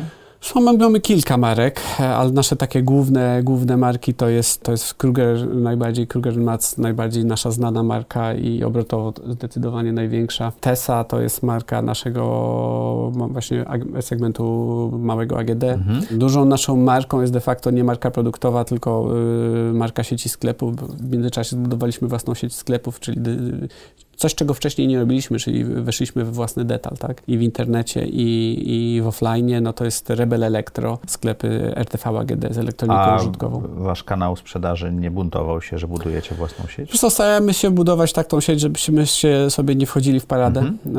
E, oczywiście różne dyskusje czasami były, ale później się okazywało, że często jest tak, że wchodziliśmy w jakieś miejsce ze swoim sklepem, w miejsce, w którym mieliśmy już klienta, który miał własny sklep i się okazuje, że obrót rósł, obrót rósł a nie spadał więc e, dla obu sklepów. Mhm. Więc e, różne są, różne są e, przykłady. W tej chwili tych sklepów mamy powiedzmy 70. Wiesz, nasi klienci są zazwyczaj poza galeriami handlowymi, mhm. a my jednak sklepy otwieraliśmy w galeriach handlowych, więc zupełnie, zupełnie jednak to nie jest, nie jest to samo. Więc Rebel Electro i Rebel Electro ma też własną markę produktową Rebel, pod której mhm. jest dosyć szeroki asortyment, bo mamy Rebel Toys i tam mamy hulajnogi, zabawki, tego typu rzeczy. Jest Rebel Comp, gdzie mamy jakieś rzeczy komputerowe, Rebel Audio, Rebel Tools to jest e, taki segment, w który zaczęliśmy wchodzić, czyli elektronarzędzia. Pamiętasz? Naprawdę rozwijamy e, sukcesywnie, organicznie, ale sukcesywnie. Jesteśmy otwarci na to, żeby... To jest, tak jak powiedziałem, głównym czynnikiem naszego rozwoju i sukcesu jest po prostu rozwój, rozwój produktowy. Mhm. Czasami patrzymy na te rynki, które są takie sexy plexi, bo są medialne i, mhm. i, i można walczyć e, w segmencie telewizorów czy laptopów. Na przykład mamy w Kruger, na zresztą telewizorach radzimy sobie dosyć dobrze, szczerze mówiąc. E, no ale wiadomo, no, konkurencja jest bardzo wysoka, a marżowość bardzo niska i, i, wszystkie oczy są zwrócone na to, więc to jest taki gorący rynek, w którym jeżeli chce się zbudować markę w segmencie RTV-ki, no to trzeba być, bez dwóch zdań. Natomiast nagle się okazuje, że rynek, o którym nikt nic nie wie i, i przeciętny człowiek w ogóle nawet nie wie, że takie urządzenie istnieje. Bo ten człowiek można... nie podejmuje decyzji zakupowej, tylko jakiś specjalista, który to robi często, No tak, prawda? tak, ale chodzi o to, że jakby i nagle się okazuje, że tam nie walczysz z Samsungiem mhm. i, i z LG i, i, i, jeszcze z kimś, tylko, tylko nagle się okazuje, że ta konkurencja na rynku jest mniejsza, bo, bo powiedzmy firm, które walczą o ten segment są w tej chwili powiedzmy takie liczące się, to jesteśmy my i jeszcze jedna firma w mhm. Polsce. I w zasadzie ciężko jest wejść na ten rynek, produkt jest, jest dobry y, i można tam robić bardzo fajny biznes, y, nie próbując wiecznie wchodzić w pojedynek Dawida z Goliatem, bo to jest akurat w elektronice, no to mamy, mamy Goliatów wszędzie, no to są ogromne firmy, y, rynki, które, no mówię Samsung, ale nawet bliżej naszego segmentu to będzie powiedzmy Xiaomi, które w Polsce no po prostu zdominowało segment, y, nieco blokując nas w rozwoju na przykład w smartfonach, bo oni po prostu weszli na nasz, y, na, na, na górę naszego przedziału cenowego, oni weszli swoim, swoim dołem przedziału cenowego i tam już po prostu odcięli nam to górę swoim mhm. dołem. Natomiast y, nagle się okazuje, że, że można robić dobry, spokojniejszy nawet często biznes w oparciu o rynki, o których nikt nic nie wie, tak? Ja pamiętam, że kiedyś miałem takie spotkanie z z człowiekiem, który zrobił super biznes na, na lodach I, i, i, nagle się okazuje, wiesz, jakby robienie lodów, taki jakby produkt i tak dalej, jak się okazuje, że niezwykle marżowy produkt. On tak, to, to też trzeba umieć zrobić biznes na lodach, mhm. powiedzmy, czy tam na rynkach, które nie są oczywiste, ale zrobił to w tak fantastyczny sposób, że byłem zachwycony. Miałem z nim spotkanie godzinne i robił super wyniki. Zamiast zatrudniać 360 osób, to zatrudnia 36. To jest mhm. tego typu. To świetnym takim przykładem jest, e, bo ja, mnie w ogóle fascynuje taki temat, bo tego biznesie rozmawiamy, fascynuje mnie temat tego, jak ludzie potrafią zrobić świetny biznes, który nie jest ekstremalnie operacyjny, e, operacyjny pod względem jakby... Dużej ilości ludzi, Tak, całego wy, wydarzenia, tak, dokładnie. Mhm. Nagle się okazuje, że e, nie wiem, czy przypomnę sobie tą firmę, komunikator, taki e, czat... Gadu, gadu? Nie, nie, nie, czat taki w sensie, że wchodzisz na stronę i tam wyświetla się okienko, że możesz zagadać. Live chat. Live chat, to jest polska mhm. firma. Live chat, nie wiem ile oni tam zatrudniają ludzi, ale to jest, to jest bardzo mało generalnie. Mhm. Mm, nie pamiętam, jakie tam 30, 50, to są jakieś taka, z tej perspektywy bardzo mała firma, tak? Obrotu też nie mają nie wiadomo ile, bo jak ja tam kiedyś ich sprawdzałem, to, to było powiedzmy, że 100 milionów obrotu. No to, to, jest, to jest duża firma, ale bez przesady. No tak, ale z tego 100 milionów oni mają 50 milionów zysku, nie? Mhm. I to jak patrzysz i mówisz, wow. I teraz, Biznes, biznesy jest... sasowe trochę inaczej działają niż nie, biznesy wiesz, Chodzi o to, że, że handlowe. Chodzi o to, że to, co powiedziałem wcześniej jest bardzo ciekawe. To znaczy, tutaj akurat chłopakom się udało i weszli na, na, na rynek, na który łatwo jest skalować na świat, tak? Mhm. Nagle klientem może być, oni mają większość swoich klientów ze Stanów Zjednoczonych, z tego, co, co czytałem, tak? Co jest nie do zrobienia w naszym biznesie zupełnie, nie? Bo to jest jakby logistyka sytuacji. W ogóle tego nie pozwala, bo zatem w każdym kraju jest taki Michał Leszek y, mhm. lokalny i on tam walczy o swoje, nie? Ale chodzi o to, że, że właśnie mówiąc o tym, bo mówiliśmy o tym, że ciężka praca, że czas i tak dalej, ja powiedziałem o tym przykładzie tej y, pani w Biedronce i, i przedsiębiorcy po 8 godzinach. No właśnie, to jest tak, że pytanie, nie chodzi o to, żeby się napracować, tylko chodzi o to, żeby jak najwięcej zarobić przy jak najmniejszym nakładzie pracy, nie? To jest jakby super wyzwanie, nie? No bo mhm. jakby de facto o to by chodziło. No, nie chodzi o to, żeby się napracować, bo jakby górnik w kopalni też się narobi, nie? Ale nie, za, nie zarobi tyle, co, co ktoś inny, co wpadł na super pomysł. Dlatego powiedziałem wcześniej, że de facto nasza umiejętność zarabiania pieniędzy jest bardzo, pracowitym trzeba być, bez dwóch zdań, ale jest bardzo związana przede wszystkim z, z jakością podejmowanych przez nas decyzji. A jedną z decyzji, którą podejmujemy, to jest jakim produktem, rynkiem się zajmiemy, w co wchodzimy i tak dalej, nie? I czasami to jest innowacja, to się rzadko udaje, ale jak się udaje, to jest super, właśnie na przykład taki live chat, a, a czasami to jest po prostu rynki, które już istnieją i wtedy pytałeś o to, jak rozwijamy te, te produkty. No też patrzymy na rynek i patrzymy, gdzie przy najmniejszym ryzyku mamy największą szansę sukcesu. Tak się też de facto, wiesz, gra na giełdzie, nie? To jest mhm. świetna strategia, mówiąc o tym, jak mówiłem wcześniej, że, że jakby lubię brać y, wiedzę z jednej y, części życia i wrzucić ją do drugiej, nie? To z giełdy bierzesz. Na przykład z giełdy, ale to też z biznesu i to równie dobrze można, nie wiem, to jest zupełnie abstrakcyjnej rzeczy w stosunku do biznesu, czyli relacje, nie? Mhm. jak chcesz być skuteczny, no to gdzie przy naj, najmniejszym ryzyku możesz jakby, wiesz, z, zarobić jak najwięcej, jakby, mhm. czyli mieć najwięcej tego sukcesu, no no bo wiesz, jesteś, powiedzmy, jesteś na rynku, jesteś sam, szukasz, szukasz partnerki życiowej. No wiesz, jakby podbijanie do najładniejszej dziewczyny w kraju, która jest żoną miliardera, jest słabym pomysłem na sukces, nie? Ale podbicie do Hani, która jest fajną dziewczyną gdzieś tam z boku i która jest akurat A nie zajęta. Tutaj równania nasza ci wchodzą, tak? No to, można... to inne tego, tego, tego, typu rzeczy. Ale chodzi o to, że wiesz, i ty wybierając sobie ten cel, mhm. już determinujesz prawdopodobieństwo uzyskania sukcesu. I to jest moim zdaniem bardzo ważne, że żeby świadomie wybierać te swoje życie, życiowe wyzwania i pejsować się w, się w tych wyzwaniach. Ja to nie? nazywam drogą pingwina. Pingwina? No bo jest takie powiedzenie, nie pamiętam już kogo, chyba Einstein lub ktoś inny mówił, że no pingwin na drzewo nie będzie się wspinał. Tak. Tak, i bardzo wiele guru, w cudzysłowie tutaj dla tych, co słuchają, mhm. mówi nam, że powinniśmy realizować siebie, znaleźć to, to prawdziwego siebie i tam tak. się realizować, gdzie jesteśmy najlepsi, gdzie mamy pasję, tak. to ty mówiłeś. Mhm. Ale e, no, no, pingwin na Saharze, ani nawet e, w borach tucholskich nie poradzi sobie świetnie. Tak.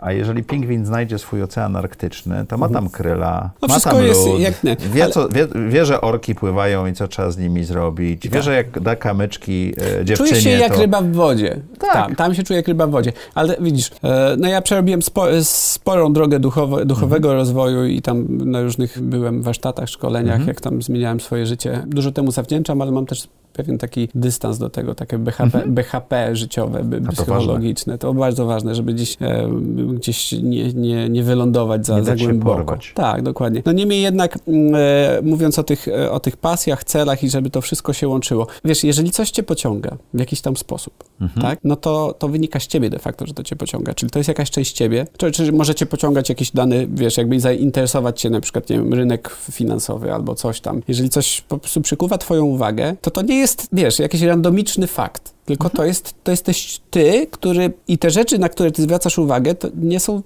nie są przypadkowe. To jesteś ty, to jest twoje przedłużenie. To są te rzeczy, które de facto są ważne z, z perspektywy twojego życia, więc warto tam iść w te, w te kierunki i, i, i, popróbować, bo czasami lekcja, czasami jakieś sukcesy, ale generalnie to jest tam kierowanie się jednak tą, tą intuicją. I zazwyczaj, przynajmniej z mojego doświadczenia jest tak, że jak coś przykuwa twoją uwagę, ja miałem z wieloma rzeczami, mhm. wiele pasji w życiu przerobiłem i, i nadal przerabiam, to za każdym razem, jak ta pasja naprawdę przykuła moją uwagę. Jak nie wiem, motocykle ścigałem się no, przez tam z 6 lat poświęciłem na to, na ściganie się na torach, no to jak to przykuło moją uwagę, to ja później wsiadłem na ten motocykl. Pamiętam na, na, na szkoleniu California Superbike School na, na torze e, Jastrząb chyba to było. Ja zszedłem pierwszy dzień z tego motocykla, e, z tego toru i ja wiedziałem, że ja będę w tym zajebisty i ja to czuję. Ja, to jest ten to twój jest, ocean arktyczny, tak? Ja się czuję w tym, tutaj jak ryba w wodzie, tak? No. I rzeczywiście później się okazywało, że zdobywałem tej umiejętności w, w sposób naprawdę szybki. I, Naturalny. I tak, i to było tak, że ja, ja to rozumiałem, nie wiem dlaczego, po prostu to rozumiałem, ja jakoś tak kumałem mhm. temat, tak? I zrezygnowałem z tego, bo no, wypadki, oba obojczyki połamane i tam w międzyczasie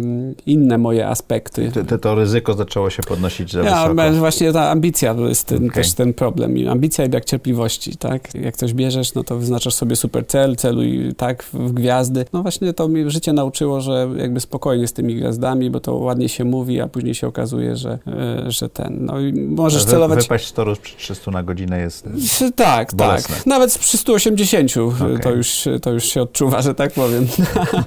Więc... E... Czyli był ten zakręt życiowy. no tam sporo było różnych.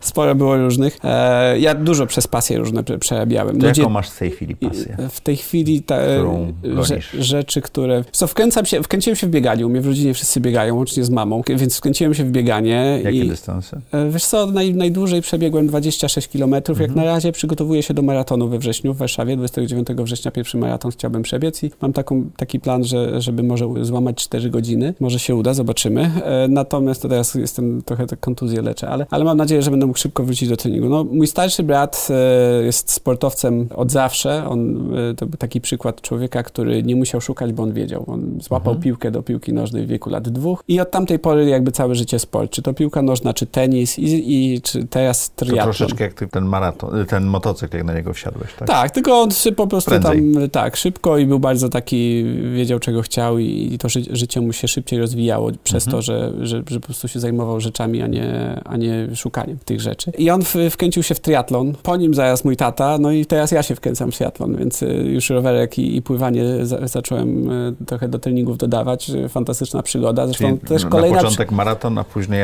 Ironman. Wiesz co, życie mnie nauczyło, że żeby, żeby jednak z tą pokorą e, podchodzić do rzeczy i nie rzucać wielkich słów, ja i tak muszę zawsze ze, ze sobą troszeczkę walczyć w tym zakresie, żeby czy, tak się kontrolować, czy, ja, czy moja ambicja nie przekracza moich możliwości i, świadom, i, i, i de facto czasu, który jest potrzebny na to, żeby to osiągnąć. I to jest autorefleksja, którą włączasz. To jest autorefleksja, którą starałem się włączać, ale nauczyłem się tego, wiesz, jakby w zasadzie się, jakby to są takie rzeczy, których się uczę od niedawna, bo wcześniej to było tak, że nie wiem, brałem motocykl i za chwilę chciałem być oczywiście możliwie najlepszy na tym motocyklu i, i wygrywać Puchar Polski i tak dalej, i tak dalej, więc cisnąłem na maksa, przez to jakieś kontuzje i, i tak dalej. A rzeczy trwają, trwają zazwyczaj dłużej niż nam się wydaje. Mhm. I, a jak człowiek ma to, tą taką mocną ambicję i to ciśnienie na ten sukces i tak dalej, to, to jest, robi się niecierpliwy, chciałby więcej na siebie wziąć i szybciej dochodzić do tych sukcesów niż de facto to się, to się robi, bo po prostu Bill Gates chyba powiedział, rzeczy trwają. Nie, nie doceniamy tego, co. Nie, przepraszam, przeceniamy to, co możemy osiągnąć w rok, a nie doceniamy tego, co możemy zrobić tak. w dekadę. I co jest ciekawe, ja to słyszałem milion razy, ale póki tego sam nie zrozumiesz wewnętrznie, to to jest tylko zdanie, którym możesz sobie wytatuować i nic z tego nie to wynika. Trzeba przeżyć dekadę robiąc coś. Tak, no, albo no, no trzeba to, to jest ten rozwój taki jakby mhm. każdego z nas, że jakby w pewnym momencie dochodzimy do, do jakichś wniosków, że nagle i intelektualnie, i emocjonalnie już rozumiemy pewne rzeczy. I to ale jest ta dojrzałość. 20 lat dekada to jest połowa życia. No tak, no ale wiesz, ja, ja mi, mi, z tą dojrzałością to tak też trochę się zeszło i późno zacząłem. Jakby. Myślę, że od, od tam powiedzmy 28, 29 to na, nadrabiałem grube, grube zaległości de facto, więc jakby, no ale to już to, to akurat moja droga, nie każdy ma taką. Więc wracając do tego tematu, więc y, może w przyszłości tak, ale ja raczej teraz staram się, staram się uczyć siebie, y, żeby patrzeć no, wiesz, na najbliższy zakręt, a nie y, na metę za 200 kilometrów, tylko na zasadzie mam jakiś odcinek, co jest możliwe. I też się uczę, ile ja mogę z siebie dać, żeby się nie gdzieś tam nie złapać kontuzji. Mhm. Bo wiesz, jakby łatwo jest powiedzieć, nie wiem, powiedzmy, rozmawiamy o bieganiu, jednej z moich pasji, bo jest ich wiele, jest też pianistyka, fortepian. E, wróciłem do muzyki gdzieś tam trzy lata temu bodajże i też się e, chcę w tym realizować. No to powiedzmy, porozmawiamy o tych dwóch, tak? A bardzo zbliżone rzeczy de facto, bo jedna niby sztuka, druga sport, ale de facto granie na fortepianie ma bardzo duży aspekt sportowy, bo to, jest, to są mięśnie i tak dalej. Wiesz, można sobie powiedzieć, dobra, to ja teraz będę ćwiczył po 5 godzin dziennie. No tak, ale jak pójdziesz i z day, day one, że tak powiem, będziesz ćwiczył po 5 godzin dziennie, powiedzmy na fortepianie, to rozwalisz sobie łokcie i nie będziesz mógł grać w ogóle, tak? Bo będziesz zapalony jest ścięgien i tak dalej. Skąd wiem? Wiesz, to przerobiłem. Nie? Dokładnie, niestety. Bo ja jestem z tych ambitnych, więc mówię, ja jak coś biorę, to ogień, nie? A to się okazuje, że y, większa pokora i spokój. Tak samo z, y, z bieganiem, tak? No, żeby przebiec poniżej 4 godzin, no to warto by było, żeby biegać w tygodniu ileś tam powiedzmy regularnie po 60 minimum kilometrów, taki wolumen powiedzmy mieć obciążenia treningowego, no nie? Ale, a najlepiej 80 czy 100, no ale powiedzmy 60, nie? No to wiesz, to, to day one nie możesz wejść na 60 kilometrów, tego po prostu nie wytrzymasz. Twój mhm. organizm nie jest do tego przygotowany. Najpierw... Ani fizycznie on nie jest przygotowany, ani ty mentalnie. Ale powiedzmy, jak jesteś takim uparciuchem jak ja, to mentalnie to tam wiesz, zagryzasz zęby i ogień. To, to, ale, ale, do, do, ale fizycznie do, do nie i się rozwalasz. kiedy organizm mówi tak, to, to basta, nawet, tak? nawet przeżyjesz trzy tygodnie, a po trzecim tygodniu coś, się, coś cię hmm. ciągnie, coś cię pyknie i okazuje się, że Czyli kolejne dwa, wiesz... Wracając do tej klamry, którą otworzyliśmy na początku no. odcinka, no. najpierw trzeba pójść na spacer. Najpierw trzeba pójść na spacer, ale to strasznie dla mnie trudne. Więc e, no właśnie dlatego powiedziałem, że ta ambicja, wiesz, to jest, to jest każda cecha, każdy kij ma dwa końce i ambicja jest super i też potrafi to, to, nie być super. nie rozumiem, e, bo jesteś mówcą motywacyjnym mhm. i coachem. No tak, powiedzmy, że ostatnio to tak mało się... Ale robiłeś to. Tak, robiłem. To no. było jedna z twoich pasji, żeby właśnie... To było, coś, to było coś, co się okazało, że, że daje mi taką sytuację win-win. I ja miałem możliwość komunikacji z ludźmi i oni mogli sobie wziąć trochę wiedzy z mojego doświadczenia, bo ja mhm. tylko mówię o tym, co sam sprawdziłem, bo to jest jedyna wiedza, którą, pod którą mogę się podpisać. A z drugiej strony, wiesz, najchętniej uczymy innych tego, czego sami się powinniśmy nauczyć. Więc ja, ja bardzo często, bardzo często, jakbym nie powiedział, że w stu procentach, y, prowadziłem wykłady i akurat mam, mam tą lekkość mówienia i to jest, to jest fajne, ja też to lubię bardzo, y, te, te, te, tego typu pogawędki o życiu, uwielbiam, to jest fantastyczne. Więc ja bardzo często wychodziłem na scenę i, i prowadziłem dwu, trzy, czterogodzinny, czasami nawet chyba mój, mój taki najgrubszy był ze czterogodzinny wykład i de facto ja mówiłem do ludzi i do siebie, bo to, co ja im chciałem przekazać, to jest, to jest dokładnie to, czego ja potrzebowałem się nauczyć. To jest klasyk życiowy u mnie. Myślę, że u wielu, wielu z nas, może u wszystkich. Ja pamiętam, jak... Czyli nie byłeś fałszywym guru, tylko raczej taką osobą, która wierzyła w to, co mówi. Albo mówiła o tych rzeczach, które sama dopiero się uczy. E, albo potrzebowała to, wiesz, jakby zrozumieć i, i samemu się nauczyć. Ja pamiętam, jak zaprosili mnie na, na TEDa i to był w ogóle taki okres, w którym ja bardzo dużo tych TEDów oglądałem, więc to było takie wow, wow. Wow. Takie wow, że mówię, o kurde, i jeszcze mnie zaprosili, super, nie? Pojechałem do tego TEDa i, i opowiedziałem tam trochę o, o procesie niby osiągania sukcesu, ale właśnie tym procesie związanym de facto w ogóle z nabieraniem jakichś umiejętności mhm. i, i, tak dalej. No i jakoś tam to nie, nie było moje najlepsze wystąpienie w życiu, ale generalnie merytorycznie uważam, że, że, że leta. I no jednak to się zestresowałem, wiesz, jakby, bo ja to lubię mhm. się rozwinąć, ja potrzebuję, wiesz, dwie, trzy godziny, cztery, to jest taki mój, mój temat, a tam masz 18 minut, no to trzeba się streszczać, to tak, ja tak jestem za duży gaduła. Niemniej jednak, fajne doświadczenie, i pamiętam, że ze dwa czy trzy lata później, a może cztery, nie pamiętam już dokładnie, ktoś z innego TEDa, z innego miejsca zadzwonił i chciał mnie zaprosić na wykład. I pamiętam do dzisiaj, że odpowiedziałem, że, że wiesz co, że, że przyznam się szczerze, z pełną pokorą muszę to powiedzieć, że ja jeszcze się uczę tego, co, o czym sam mówiłem na TEDzie pierwszym i nie czuję się nie, czu, jakby nie miałem takiej w sobie, że wiesz, nie, czu, nie czuję się, żebym, żebym mógł y, tak w, zgo, w zgodzie ze sobą wyjść i mądrzyć się na kolejny temat. Bo ja jeszcze tego, co tam powiedziałem, sam do końca nie, nie zgłębiłem, tak, wiesz, jakby to są tego typu tego Ale oprócz przemówienia robiłeś też coaching, tak? To trochę, ale nie dużo. To czego się nauczyłeś z tego Że nie chcę tego robić. Nie, no nie to, chcę, to jest bardzo dobra jest, lekcja, nie? nie? chcę tego robić. E, wiele miałem takich lekcji, nie? Byłem bardzo aktywny w social media swego czasu i też też. To ma olbrzymi koszt. Też, też to ma olbrzymi koszt. Zresztą w ogóle każda ambicja ma koszt, bo wiesz, jak się wkręcasz, mówiliśmy o tym, że wiesz, dobra, chcesz zostać pianistą, to będziesz grał po 5 godzin dziennie na fortepianie. Wiesz, jak grasz 5 godzin dziennie na fortepianie, no to są jeszcze przerwy, coś trzeba zjeść i tak dalej. No to nic innego nie robisz. No, jeszcze pracujesz w środku dnia, czyli rano mhm. grasz, później pracujesz i, i tak dalej. I ja tak przejechałem z rok i później stwierdziłem, że to nie może tak wyglądać. Nie? I dopiero, dopiero wtedy mówię balans. Czy to jest balans. tak, że twoje pasje cię porywają, tak. a dopiero, dopiero po jakimś czasie jesteś w stanie te szoty ściągnąć? Ale szoty ściągam coraz szybciej. To znaczy... Coraz... Masz lepsze kabestany, czy co? Mam szybszą refleksję, że, że wiesz, że e, wieje za mocno, więc trzeba poluzować. Albo okay. obrałem kierunek i już nie widzę nic innego, tylko ten kierunek. To, to mi się zdarzało. Okay. Na przykład, że łapię, nie wiem, motocykle, to teraz motocykle, klepki na oczach. A teraz, teraz bardziej podchodzę do życia to, to jest takiego... Pięć, pięć obszarów balansu. Tak, tak, to jest, wiesz, jeszcze mówiąc o tym, to, to można właśnie powiedzieć, że wiesz, jako, jako jednostka, jako człowiek mamy różne potrzeby emocjonalne.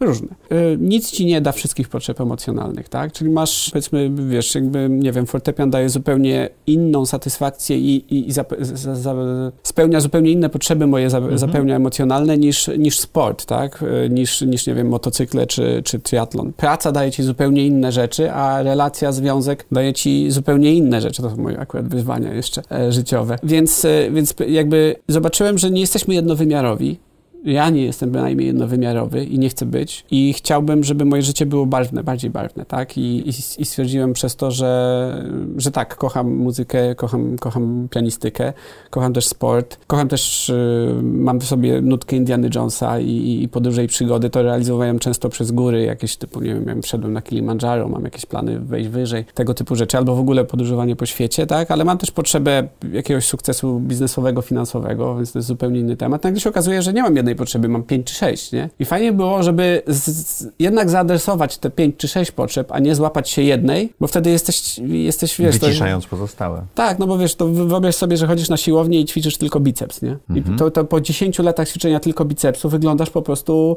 Karykaturalnie, jak troszeczkę papa, tak. Papaj. Dokładnie, do, dokładnie. I teraz pytanie, czy chcesz, żeby tak twoje życie wyglądało? Właśnie już jakby, wiesz, biorąc to na wyższy level. Czy, czy chcesz mieć tylko biceps w życiu i wiesz, będziesz najlepszym bicepsem? No ale co się stanie, jeżeli będziesz miliarderem, będziesz miał zajebistą firmę i miliardy, za które wszystko można kupić. Wiesz co, ja mam duży szacunek do pieniędzy i uważam, że pieniądze są fajne i jeżeli jest ich dużo, to jest fajnie, więc ja nie, ja nie jestem z tych, którzy powiedzą, że wiesz, że, że jakby pieniądze szczęścia nie dają. One ułatwiają życie. Pieniądze dają ogromnie dużo szczęścia. Ale to nie jest jeden aspekt życia. One dają dużo szczęścia, bo przekładają się na wszystkie inne aspekty życia, tak? I, i, i umożliwiają ci realizację kolejnych twoich potrzeb emocjonalnych w innych aspektach życia. A prawdziwe szczęście, wydaje mi się, że właśnie daje, przynajmniej na ten moment, na który ja teraz jako, mhm. jako człowiek, jako, jako facet jestem w stanie się wypowiedzieć z perspektywy własnego doświadczenia życiowego, że prawdziwe szczęście będzie, będzie dawało y, właśnie to zrównoważenie i ten balans, czyli a, już wiem, kim jestem, wiem, jakie mam te potrzeby emocjonalne, co mnie bardziej jara, co mnie i tak dalej. Wiem już, że, że, że fajnie by było troszkę, troszkę, troszkę wszystkiego, żeby ten balans był, czyli trochę tu, trochę tu, trochę tu, żeby nie być jednowymiarowym tylko, tak?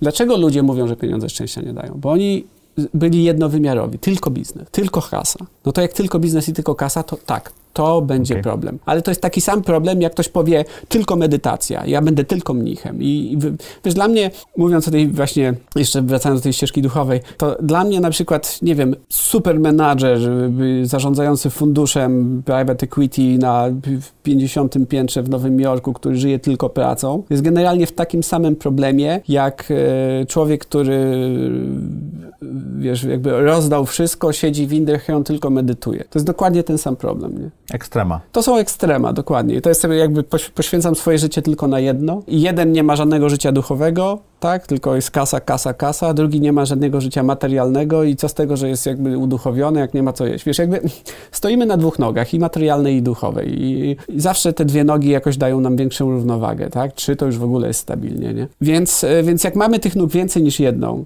no to wtedy mamy też większą stabil, stabilność emocjonalną, życiową, też nie tylko emocjonalną, tak? I mamy też rzeczy, które nas balansują, czyli jak mamy, nie wiem, w życiu zawodowym zupełnie inne, już na, nawet z takiej czystej fizjologii życiowej, zupełnie inne enzymy się nas wydzielają, zupełnie inne te emocje powodują i tak dalej. Dopamina bardziej tam powiedzmy, ja osiągam cel, super, tak? No to wchodzimy w jakieś relacje i mamy to życie rodzinne, czy, czy związkowe, czy, czy, czy, czy, czy przyjaźnie i nagle tam, tam bardziej chodzi o oksytocynę i serotoninę i zupełnie inne rzeczy. I to się nagle okazuje, że to się balansuje i wtedy mamy większe poczucie takiego właśnie y, jakby szczęścia. Oczywiście jest zawsze ten, ten aspekt, który ja, ja jakby bardzo lubię, mnie zawsze fascynował, czyli ktoś, wiesz, jakby od dziecka w jednym kierunku i później nagle mamy, wiesz, Lewandowskiego w FC Barcelonie, nie? I jakby patrzysz na to i mówisz, super, ale czy mamy takiego Nadala, nie? I to ale, jest tak całe życie w jednym kierunku, tak? Ale mówisz o tym, że to są outlierzy, też trzeba Tak, to no uwagę, to tak? po pierwsze outlierzy, a po drugie trzeba mieć świadomość, w którym etapie życia jesteśmy, tak? Bo wiesz, życie się rozwija w ten sposób, że jesteś młody, ty będziesz, ty będziesz, jeszcze to, jeszcze tamto, ty jeszcze jesteś. tamto. A w tym momencie, y, powiedzmy, nagle się okazuje, że już nie będziesz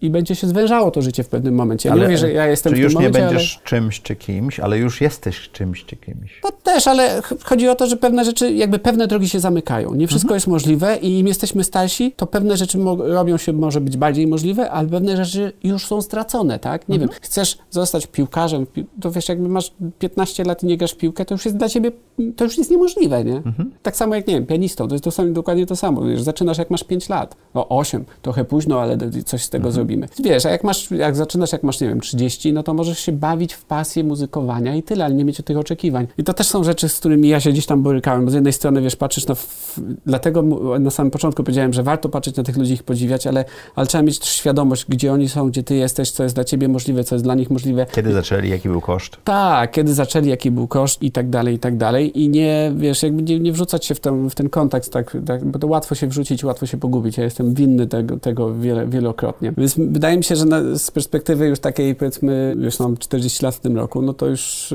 warto by było jednak trochę, trochę dojrzeć i, i więcej tych aspektów życiowych widzieć i układać to życie tak, żeby być szczęśliwym w nim. I wydaje mi się, że ten balans życiowy i to taka, taka świadomość tego, że jest więcej niż tylko pieniądze, więcej niż tylko muzyka, więcej, że jest kilka rzeczy, nie? Jak, jak ktoś żyje tylko relacją, to jest więcej niż tylko relacja, tak? Bo to jest, wiesz, ktoś mówi, że pieniądze szczęścia nie dają, ale jak ktoś nie ma żadnej kariery zawodowej, nic i tak ma tylko re relacje, bo to przecież o relacje chodzi, o miłość ma, tak? O miłość daje szczęście, ale on nie ma nic oprócz tej miłości, tak? Bo nie ma ani życia zawodowego, ani noc. No to on ma taki sam problem, jak ten człowiek, który ma, wiesz... Ten mnich. To, to, to, dokładnie. To jest jakby po prostu, jakby, wiesz, w innym miejscu, ale to jest ten sam problem, tak? Że mam jedną nogę, stoję na tej nodze, więc nie będzie stabilnie. Nie daj Boże, ta noga mi się załamie, to już nie mam nic i to jest dramat. A poza tym my, jako ludzie, nie jesteśmy jednowymiarowi. I, i tych potrzeb emocjonalnych mamy więcej. I tych aspektów życia jest więcej niż jeden. I jak ustalimy sobie, czy to będą, mogą być dwa, mogą być trzy, mogą być cztery, może być pięć. Na ilu nogach ktoś chce stanąć,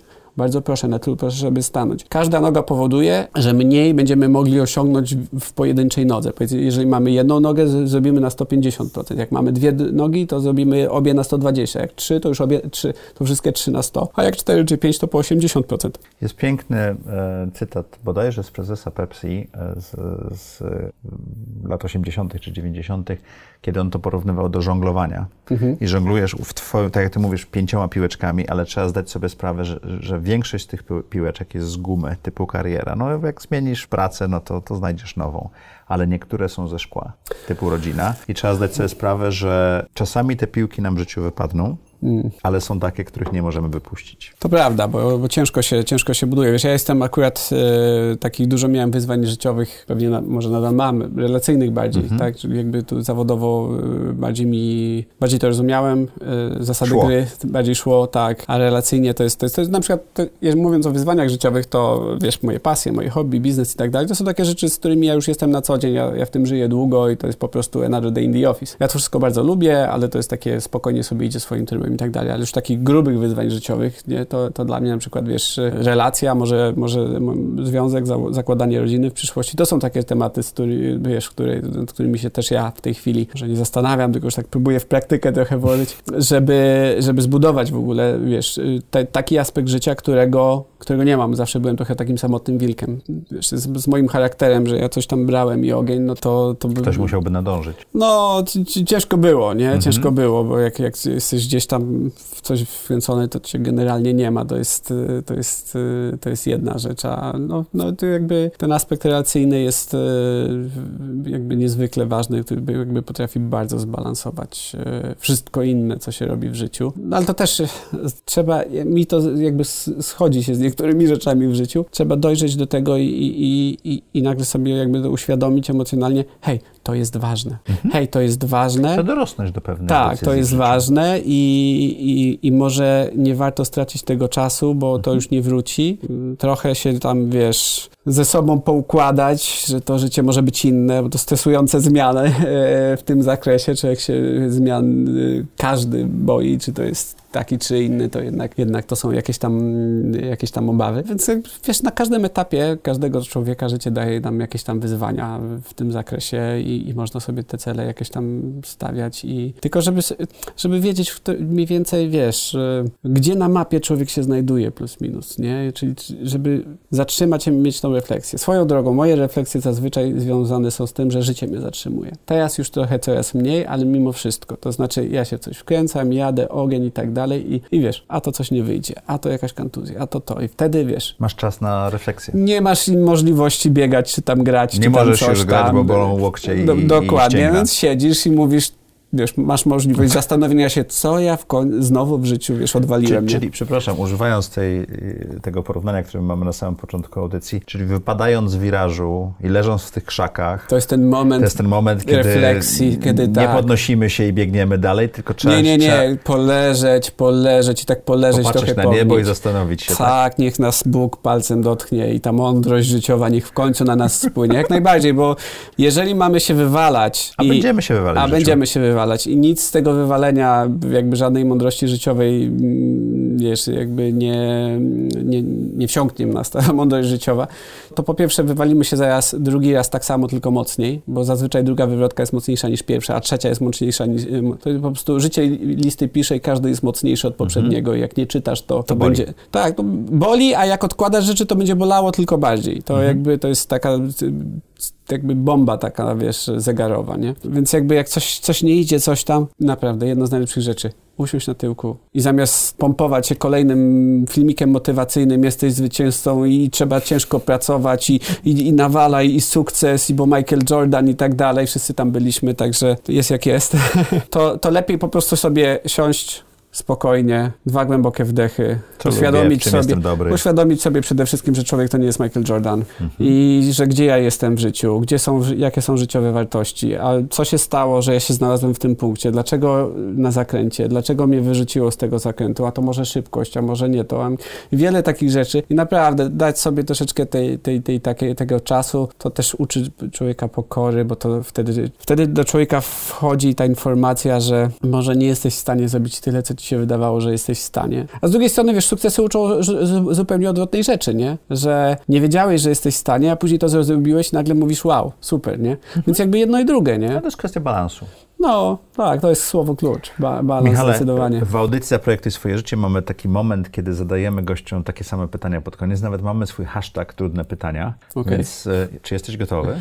Nie, ale to nie ma znaczenia. Musimy jechać. Jedziemy, tak. Na tym życie polega. Czy możesz opisać y, najlepszą decyzję, jaką podjąłeś w życiu? Powrót do rodziny i zmiana, powrót do rodziny jako do biznesu rodzinnego, ale to też łączyło się z z moim w ogóle powrotem do rodziny jako, e, jako jakby większego zaangażowania w, życie rodzinne, w życie rodzinne mhm. bliższy, jakby polepszenia czy naprawy jakichś relacji z tatą, z mamą i nigdy nie były złe, ale, ale, ale teraz są wybitnie dobre. Tego typu rzeczy, plus, plus ten, ta zmiana kursu, o której mówiłem, to wszystko było w jednym, bo to było i powrót do życia rodzinnego i do rodziny bardziej i też, też taka zmiana moja e, kursu, jeżeli chodzi o, o o, moją jakąś tam to, dojrzałość. Dość dużo, do, dość dużo mówiłeś o tym, to był tak, to jest, tak, to, jest, to, jest, to, jest, to jest taki kluczowy moment, który zmienił trajektorię i ta, ta trajektoria już leci, ale zdecydowanie to. Co daje Ci najwięcej energii czy satysfakcji w życiu?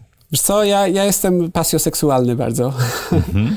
lubię się wkręcać w rzeczy, lubię, lubię je zgłębiać, a później zgłębiać e, procesy, które w tych rzeczach są potrzebne, żeby coś osiągnąć i, i później próbować to osiągnąć, to, to mi daje dużo energii. Jednym słowem, ja muszę zrobić coś dla siebie, żeby później wyjść z tym, co już mam dla siebie mhm. i podzielić się z tym z innymi. To dzielenie się jest fantastyczne, ale najpierw trzeba to zrobić, więc tą energię czerpię z tych, z tych swoich jakichś tam pasji. Z odkrywania i opisywania później. Odkrywania, jakby angażowania się, jakby osiągania jakichś rzeczy, tą energię czerpię stamtąd, to, I to, jest, to mi daje najwięcej energii, a najwięcej satysfakcji później możliwość dzielenia się tym z, in, z drugim człowiekiem, z innymi ludźmi, bo to jest, ten, to jest tak to u mnie, tak, taki krąg życia. Jak wygląda twój typowy dzień teraz? Typowy dzień wygląda tak, że wstaję rano. O której? Ja jestem bardzo wczesnym mhm. wstawaczem, że tak powiem. Ja raczej wstaję. Nigdy nie używałem budzika, nie używam budzika, wstaję. No dzisiaj to wstałem chyba 4.30, ale normalnie tak wydaje mi się, że tak wiesz, piąta, szósta to, mhm. są, to są te rzeczy. W tej chwili akurat nie mogę biegać, więc więc e, rano robię półtora godzinki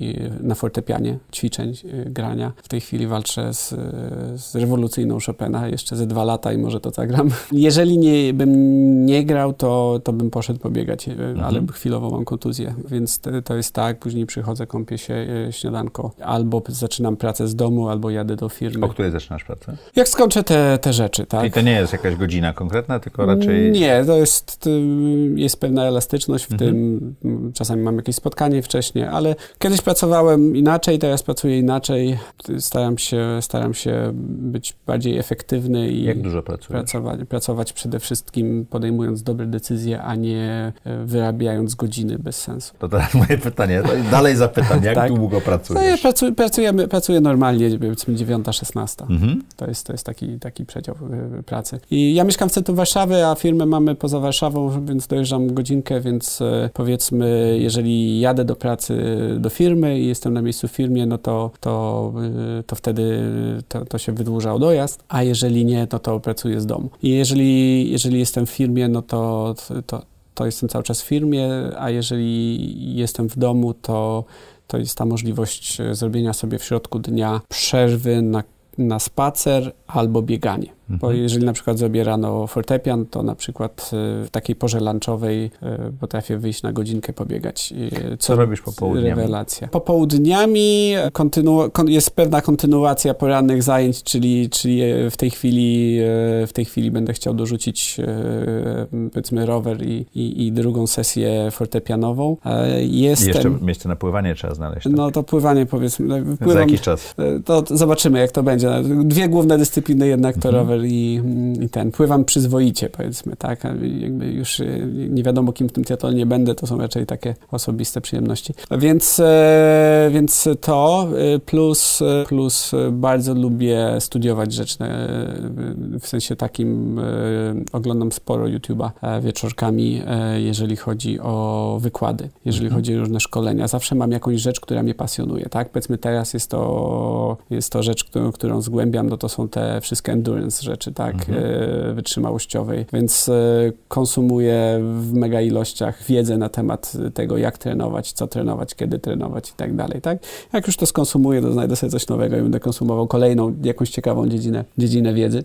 Wieczorem i powiedzmy i w zależności, czasami wyjdę z kimś na koncert e, posłuchać muzyki, jakiś jazzowy koncert, czasami z kimś e, do kina, czasami z kimś e, na spacer. To mniej więcej taki standardowy dzień wygląda tak. Ja sporo... O się kładziesz spać? Z, wiesz co, o 10?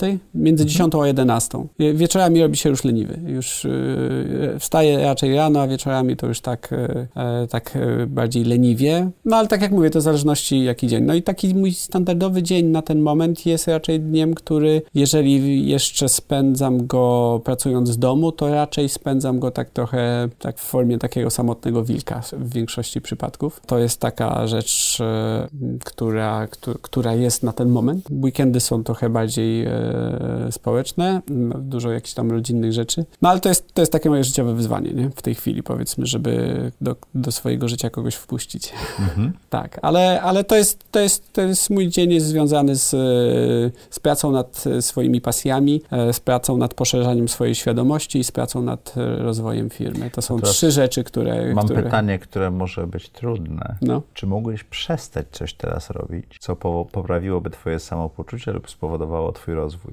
Dobre pytanie, bo bardzo ciekawe. E, często sobie zadaję pytanie, co mógłbym nie robić, bo mhm. w sensie takim, że co robię, a nic z tego nie ma, nie ma jakby mhm. efektywności. Ale w tej chwili jestem w miarę w takim ciekawym miejscu, że to, co robię, sprawia mi dużo satysfakcji i przyjemności. Te rzeczy, które robię, lubię. A więc e, chyba nie chciałbym przestać e, ich robić. Raczej w tym zakresie wiem, co powinienem zacząć robić e, z takich rzeczy, tak, czyli w drugą stronę, bo miałem taki długi okres minimalizacji e, e, życia, w sensie mhm. takim, że wyrzucałem z tego życia wszystko, co jest niepotrzebne, wszystko, co uważałem, że jest zbędne. I doszedłem do takiego momentu, że zacząłem żyć jak mnich przez chwilę. To było bardzo ciekawa taka, jestem takim życiowym e, eksperymentatorem i to był taki eksperyment, który bardzo dużo w ogóle fajnych rzeczy spowodował w moim życiu. Zacząłem żyć bardzo skromnie, bardzo, bardzo minimalistycznie i, i, i nagle okazuje się, że nic mi nie brakowało, więc e, to przerabiałem już. A teraz raczej, raczej, raczej dodaję, tak? Tylko mhm. dodaję bardzo selektywnie, więc z takich rzeczy, które pododawałem, to do, ostatnio bardzo mocno sport dodałem, czyli triatlon i siłownia. I ale teraz... To, ale to cię najpierw mocno uprościłeś. Nie, y, uprościłem do granic możliwości. Okay. Jeżeli chodzi o, o wydawanie pieniędzy, o, o spędzanie czasu, tak jak mówię, zdążyłem jak mnich przez jakiś okres czasu. Mhm. To było bardzo ciekawe doświadczenie. Jak mało mi jest potrzebne do tego, żeby być spokojnym wewnętrznie i, i zadowolonym. A teraz, y, jak dodaję te rzeczy, to dodaję już bardzo selektywnie, tylko takie... Z dużą rozwagą. Z dużą, z dużą rozwagą, bo szanuję swój spokój wewnętrzny, uważam, że to jest jakość nadrzędna, a jak je dodaję, to okazuje się, że one dają mi dużo radości i mhm. dużo, dużo energii z nich, z nich czerpię. No. Taką rzeczą, którą chciałbym dodać w tej chwili, to jest, to jest ta, ta, ta przestrzeń relacyjna. No, to jest mhm. taki temat, o którym już wcześniej mówiłem, że to jest coś, co było odłożone na półkę, ale już tak, e, wiesz, czuję, że mi się e, nazbierało i, i że chyba jestem gotowy, żeby w to też jakby wejść. To, są, to jest takie wyzwanie, ale odjąć w tej chwili bym chyba nie odejmował nic. Jaką masz supermoc? Wydaje mi się, że intelekt. Bardzo jestem dużym szczęściarzem. To, to ma taka moja osobista supermoc, że tak powiem. Bardzo jestem dużym szczęściarzem, że urodziłem się z bardzo dużym chyba y, takim potencjałem. Nie wiem, czy to można nazwać intelektualnym, ale, ale powiedzmy no, takim mózgowym. Nie jestem jakimś wybitnym intelektualistą, ale mam bardzo sprawny komputer tutaj. Tak? Procesor. Tak, i dzięki temu dużo rzeczy, które, które, które jakby w które wchodzę, którym zaczynam się zajmować, jestem w stanie szybko tak jakby, jakby zobaczyć, jak to działa, o co chodzi i tak dalej, przez to y, robić y, duże postępy i, i, sprawnie, sprawnie podchodzić do tego i, i, i, taka refleksyjność przy tym też jest jakby, to jest też, też chyba z tym związana, ale też trochę z duchowością. Natomiast jeszcze życie, życiowa, moja supermoc, nie związana tak bezpośrednio ze mną, to bym powiedział, że, że rodzina, moi bracia, mhm. których są naj, moimi najlepszymi przyjaciółmi, rodzice, których kocham bardzo i to, to jest rodzina jest ponad wszystko. Nie wyobrażam sobie nie mieć tego przede wszystkim. Jeżeli miałbym czegoś zabraknąć, to to, to by bolało najbardziej. Michale, Malcolm Gladwell powiedział kiedyś, że bardzo ważni są ludzie, którymi się otaczamy, czyli ludzie, którymi się otaczamy powodują odbijanie od nas pewnych idei, te idee powodują y, nasze myśli, nasze myśli powodują mhm. nasze czyny i tak dalej. I te wewnętrzne kręgi są super ważne i, i trzeba je mądrze projektować. Team Ferris nazywa to Power Five, czyli te mhm. pięć osób, które ma na ciebie największy wpływ. To jak budujesz swoje wewnętrzne kręgi? Jak powoduje, że te interakcje z twoim intelektem są tak wartościowe? Wiesz co, ja przede wszystkim w okresie tej, tej mojej zmiany życiowej przed trzydziestką dużo wtedy imprezowałem, dużo mhm. na mieście żyłem, dniem i nocą. Czyli te kręgi były bardzo szerokie? Były szerokie, by, były z płytkimi relacjami. Może nie wszystkie relacje były płytkie, ale były kręgi szerokie generalnie, mhm. ale było dużo, dużo imprezowania, dużo, dużo alkoholu, dużo całego tego bałaganu. Ja wtedy zmieniając swoje życie zrobiłem taką brutalną trochę rzecz, ale po prostu odwróciłem się napięcie od wszystkich i poszedłem w swoją stronę. To było naj, naj, najmądrzejsze z mojej perspektywy, bo bo tego ale potrzebowałem. Z perspektywy 10 lat, tak. Potrzebowałem tego, chociaż była bardzo trudna decyzja, bo po prostu przez lata byłem bardzo samotny, mhm. e, ale ta samotność e,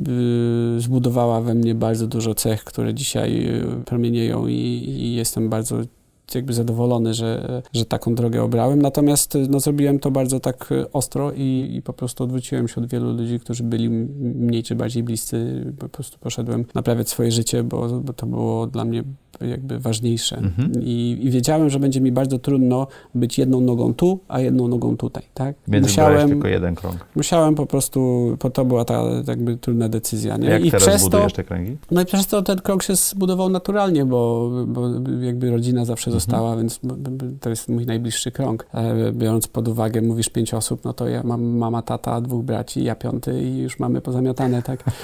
E, naprawdę to są moi najlepsi przyjaciele. Mam mam kilku przyjaciół z dawnych lat, jeszcze przed, przed tym okresem, z, powiedzmy z okresu jeszcze liceum, kolegów, z którymi muzykowałem i, i, mamy nadal fajne, fajne relacje, ale nie mam takich, takich jakby takiego ogromnego, dużego mhm. kręgu takich bardzo... Ale krąg wewnętrzny jest mały, to o to w nim chodzi. Tak, tak, no znaczy mi, mi wystarcza to, co mam, bo jakość tego jest niezwykle wysoka i wpuszczam ludzi, staram się wpuszczać ludzi po prostu w tej chwili mam mocne sito, nie? Mhm. Czyli ja mam co robić w życiu i lubię to, te wszystkie swoje zajęcia, więc jeżeli mam spędzać z kimś czas, czy, czy budować, a wiesz, z czasem te budowanie relacji jest, ono trwa coraz dłużej, tak? Jak masz 20 lat, to pójdziesz z kumplem na piwo, jesteście przyjacielami na całe życie, jak masz 40, to wiesz, znacie się rok, a, a, a to trwa jeszcze, nie? A ta beczka soli jeszcze nie, nie Dokładnie, nie, nie więc, ruszone, e, więc, e, więc e, tak naprawdę staram się, staram się po prostu iść w jakość, nie? Jakoś. No, to patrząc to w przyszłość, no. e, trzy rzeczy, które chciałbyś robić za trzy lata, to? No chciałbym zagrać tą rewolucyjną Chopina. Niech będzie, ale wiesz co, tak naprawdę... W tym pytaniu jest taki trik, bo to jest no. czasownik niedokonany. Okej. Okay. Chciałbym robić rzeczy. Wiesz co, chciałbym... E, de facto chciałbym robić te rzeczy, które robię teraz, tylko robić je lepiej. Wow. Bardzo, bardzo ważną i też cechą, którą musiałem w sobie wypracować, nadal nad wszystkim pracuję, to jest cecha, z którą się borykałem, jest konsekwencja w działaniu, tak? Mhm. Czyli ja bardzo dużo pomysłów, dobrych pomysłów, złych pomysłów, różne pomysły, ale generalnie kreatywność, yy, szybkie myślenie, to, tamto i tak dalej, ale tej konsekwencji w działaniu było różnie w, w, różnych aspektach życia, tak? Jak zawodowo tej konsekwencji zawsze było więcej, bo to po prostu było takie dla mnie naturalne, że to trzeba robić i tyle. Nie, nie ma dyskusji. Zawodowo też są procesy, w które tak, łatwiej się Tak, łatwiej. A już, już w innych aspektach to, to ta konsekwencja to wracając do mojego pytania. Trzy rzeczy, które chciałbyś robić za trzy lata, to jest to, co robisz teraz? Chciałbym, żeby moje życie wyglądało y, tak, jak teraz. Dodałbym tylko jedną rzecz, czyli aspekt relacyjny, natomiast mhm. tak, to, to, to, to, to moje życie jest naprawdę fajne. Chciałbym poszczególne te gałęzie życia rozwijać, żeby, żeby bardziej się cieszyć nimi, więcej umiejętności, więcej możliwości, czy, czy, czyli ta, ta, ta przygoda mogłaby się rozwijać. Nie wiem, wkręciłem się w, w, w bieganie, to chciałbym przebiec maraton warszawski, ale w przyszłości może by przebiec e, maraton w innych miejscach świata i połączyć i podróżowanie i sport, tak? Czy mhm. triatlon, gdzieś tam, wiesz, zrobić sobie jeden w Hiszpanii, a drugi gdzieś tam i nagle się okazuje, że możesz połączyć i podróżowanie i sport w jednym i, i, i jak jeszcze masz, nie wiem, partnera, który też lubi takie rzeczy, albo jest gotów z tobą, tak, tak, to jeszcze się można połączyć, to e, związek e, w to wszystko wrzucić. Chciałbym, żeby moje relacje rodzinne były i się nadal rozwijały i żebyśmy filmy razem rozwijali, wiesz, no kurde, powiem ci, że jak mi zadałeś to pytanie, to teraz mam ogromny uśmiech na, na twarzy, bo nigdy nie spodziewałem się, że będę w takim momencie życia, w którym jestem, którym naprawdę e, jestem zadowolony z tego, co się dzieje i, i, i chciałbym po prostu, żeby to wszystko się rozwijało. Jedyna, jedyna taka przestrzeń, która jest, której jeszcze nie ma, to jest, to jest, to jest związek, ale no powiedzmy, że, że zakładam, to jest z tych rzeczy, które chciałbym, których nie ma dzisiaj, a chciałbym, żeby za trzy lata już były, to powiedzmy to jest to. Jest, to, jest, to, jest to. I to Czego nauczyła cię pandemia? Pandemia spowodowała w moim życiu wiele bardzo pozytywnych zmian. I e, głupio tak powiedzieć, ale cieszę się, że się wydarzyła z pewnego osobistego mojego, mojego po prostu życia, bo dała mi bardzo dużo spokoju. Też e, nastąpił pewien, pewien, pewna zmiana lifestyle'u u mnie przez tą pandemię, to znaczy nagle się okazało, że można jednak pracować zdalnie i że to się da zrobić, zwłaszcza w przypadku mojej pracy, bo wiesz, operacyjnej pracy, jak masz dużo, musisz być, musisz być z ludźmi, a jak mam więcej kreatywnej pracy, no to, to, to, to równie dobrze mogę ją na księżycu wykonywać, nie? aby tylko internet był. Więc nagle się okazuje, że, że ta pandemia dała mi, mi, mi tą swobodę tego, że, że nie jestem w firmie, co, pracuję codziennie, ale, ale nie codziennie w firmie. I oszczędzasz a, dwie godziny dziennie. Tak, tak to, jest, to jest jedno, oszczędzam dwie godziny dziennie, a drugie, że mogę w w środku dnia pójść na spacer albo spotkać się z kimś na lunch. A, I to jest okej. Okay. I to jest okej, okay, a czego nie było nigdy wcześniej, no bo jak wyjeżdżałem to jakby z Warszawy, żeby pracować w filmie tam, no to, to mnie nie ma po prostu, nie? Wracałem też później, bo dojazd, więc mhm. mnie nie ma. Natomiast, więc to jakby duża zmiana, no i taka, wiesz co, taki, taki nie wiem, jakoś taki, taki wewnętrzny spokój. To jest to, to bardzo, nic się nie dzieje i nagle się okazuje, że dziać się nie musi. Książka... Ja się okazuje, że jestem większym introwertykiem niż się wydaje. Książka która? Kiedyś podawałem trzy. W okresie tej, tej mojej ta, takiej transformacji e, to podawałem trzy zazwyczaj. To było Przebudzenie, Antony de Mello, Tipping Radykalne Wybaczanie i Droga Pełniejszego Mężczyzny. Mhm. To były na pewno dobre lektury. E, natomiast bardzo a, też... A książka, która teraz? Jeszcze dodałbym jedna rzecz, książka jedna rzecz. The One Thing, tak? Tak, tak to już efektywność, tak? Czyli mhm. jakby zastanów się, co robisz, bo może robisz wiele rzeczy bez sensu i nie, nie musisz ich robić. I chodzi o efektywność twojego, wykorzystania twojego czasu, a nie ilość przepracowanych godzin, czy bez względu na to, czy to jest związek, pasja, czy coś tam. To jest, to jest ta rzecz, która mocno zmieniła. A w tej chwili to bym powiedział, że to nie jest książka, tylko bym powiedział, że że jakby ja przerzuciłem się z książki na konsumowanie treści e, na YouTube. Na YouTubie, tak, czyli podcasty i YouTube. To jest, nagle się okazuje, że tej treści można przyswoić znacznie szybciej, znacznie więcej, zwłaszcza, że jestem słuchowcem i ja po prostu słucham i pamiętam. Nie? I te formy są krótsze na YouTube. No wiesz, ja Poza słucham... audycją zaprojektuj swoje życie. Ja słucham, ja słucham długich rzeczy. Ja, ja jakby, ja słucham rzeczy po, po półtora, dwie godziny. Jakby te takie dziesięciominutowe odcinki to, to, to nie jest mój okay. temat. Ja słucham dużo głębokich wywiadów. Yy, przez chwilę byłem bardzo wkręcony w Petersona, mhm. więc skonsumowałem, nie chcę powiedzieć wszystko, ale naprawdę sporo jego cały cykl wykładu na temat osobowości, cały cykl biblijny, wiele jego wykładów, wycinków i tak dalej, więc to była na, na pewno duża e, inspiracja i, i taki do, dobrze spędzony czas moim zdaniem, a w tej chwili, w tej chwili też jakby lubię, lubię tego typu rzeczy, więc jakby nie powiedziałbym jedna książka, tylko powiedziałbym w dzisiejszym świecie, w którym mamy taką możliwość dostępu do wiedzy, to jest w ogóle niesamowite, to jest jakby ja, jak, jak byłem mały i próbowałem się uczyć grać na gitarze, to wiesz, jakby nie było ani nauczyciela, ani gdzie i tak dalej jeszcze na wsi. To w ogóle, wiesz, jakby... A teraz możesz mieć A dzisiaj to wiesz, klikasz dwa razy i za 50 dolarów, dolarów uczy, uczycie jeden z najwybitniejszych gitarzystów na świecie, wiesz, to jest abstrakcja w ogóle w tej chwili, jak to można robić, więc dla mnie nie powiem jedna książka, tylko powiem korzystanie z tej możliwości tak? Okay. Bo tam jest wielu ludzi, którzy...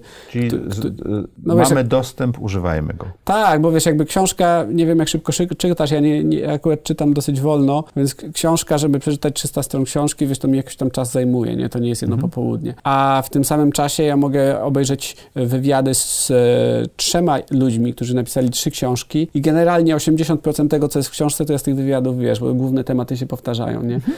Więc jakby i daje ci to też możliwość bardzo szerokiego nagle poglądania na świat, a, a ja, mnie to fascynuje, psychologia, w ogóle świadomość yy, i tego typu rzeczy, nie? Michale, co chciałbyś, żeby widzowie i słuchacze audycji Zaprojektuj swoje życie zapamiętali z tej rozmowy? No może, może powiem o, takim, o takiej rzeczy, o której nie mówiliśmy, że pomimo tych wszystkich mądrości, książek, YouTube, wykładów i tak dalej, to żeby mimo wszystko w życiu kierować się mm, jakby intuicją. Czyli e, to, co powiedziałem przez chwilę, że te rzeczy, które Ci interesują, te rzeczy, które przyciągają Twoją uwagę, to nie jest przypadkowa rzecz. To jest coś, co siedzi w Tobie i potrzebuje, potrzebuje byś się tym zainteresował albo żebyś do tego doskoczył w taki czy inny sposób. I to często nie są kierunki, w których osiągniemy sukces, ale to są właściwe na ten moment kierunki, których potrzebujemy, żeby zrobić kolejny krok kolejnym w życiu, żeby, żeby mieć więcej zaufania do siebie i do procesu, a przy tym być cierpliwym na efekt. Dziękuję Ci ślicznie. Dziękuję również, dziękuję bardzo za spotkanie. I dziękuję Wam. Jak to tydzień, w czwartek o czwartej zapraszam do audycji Zaprojektuj swoje życie.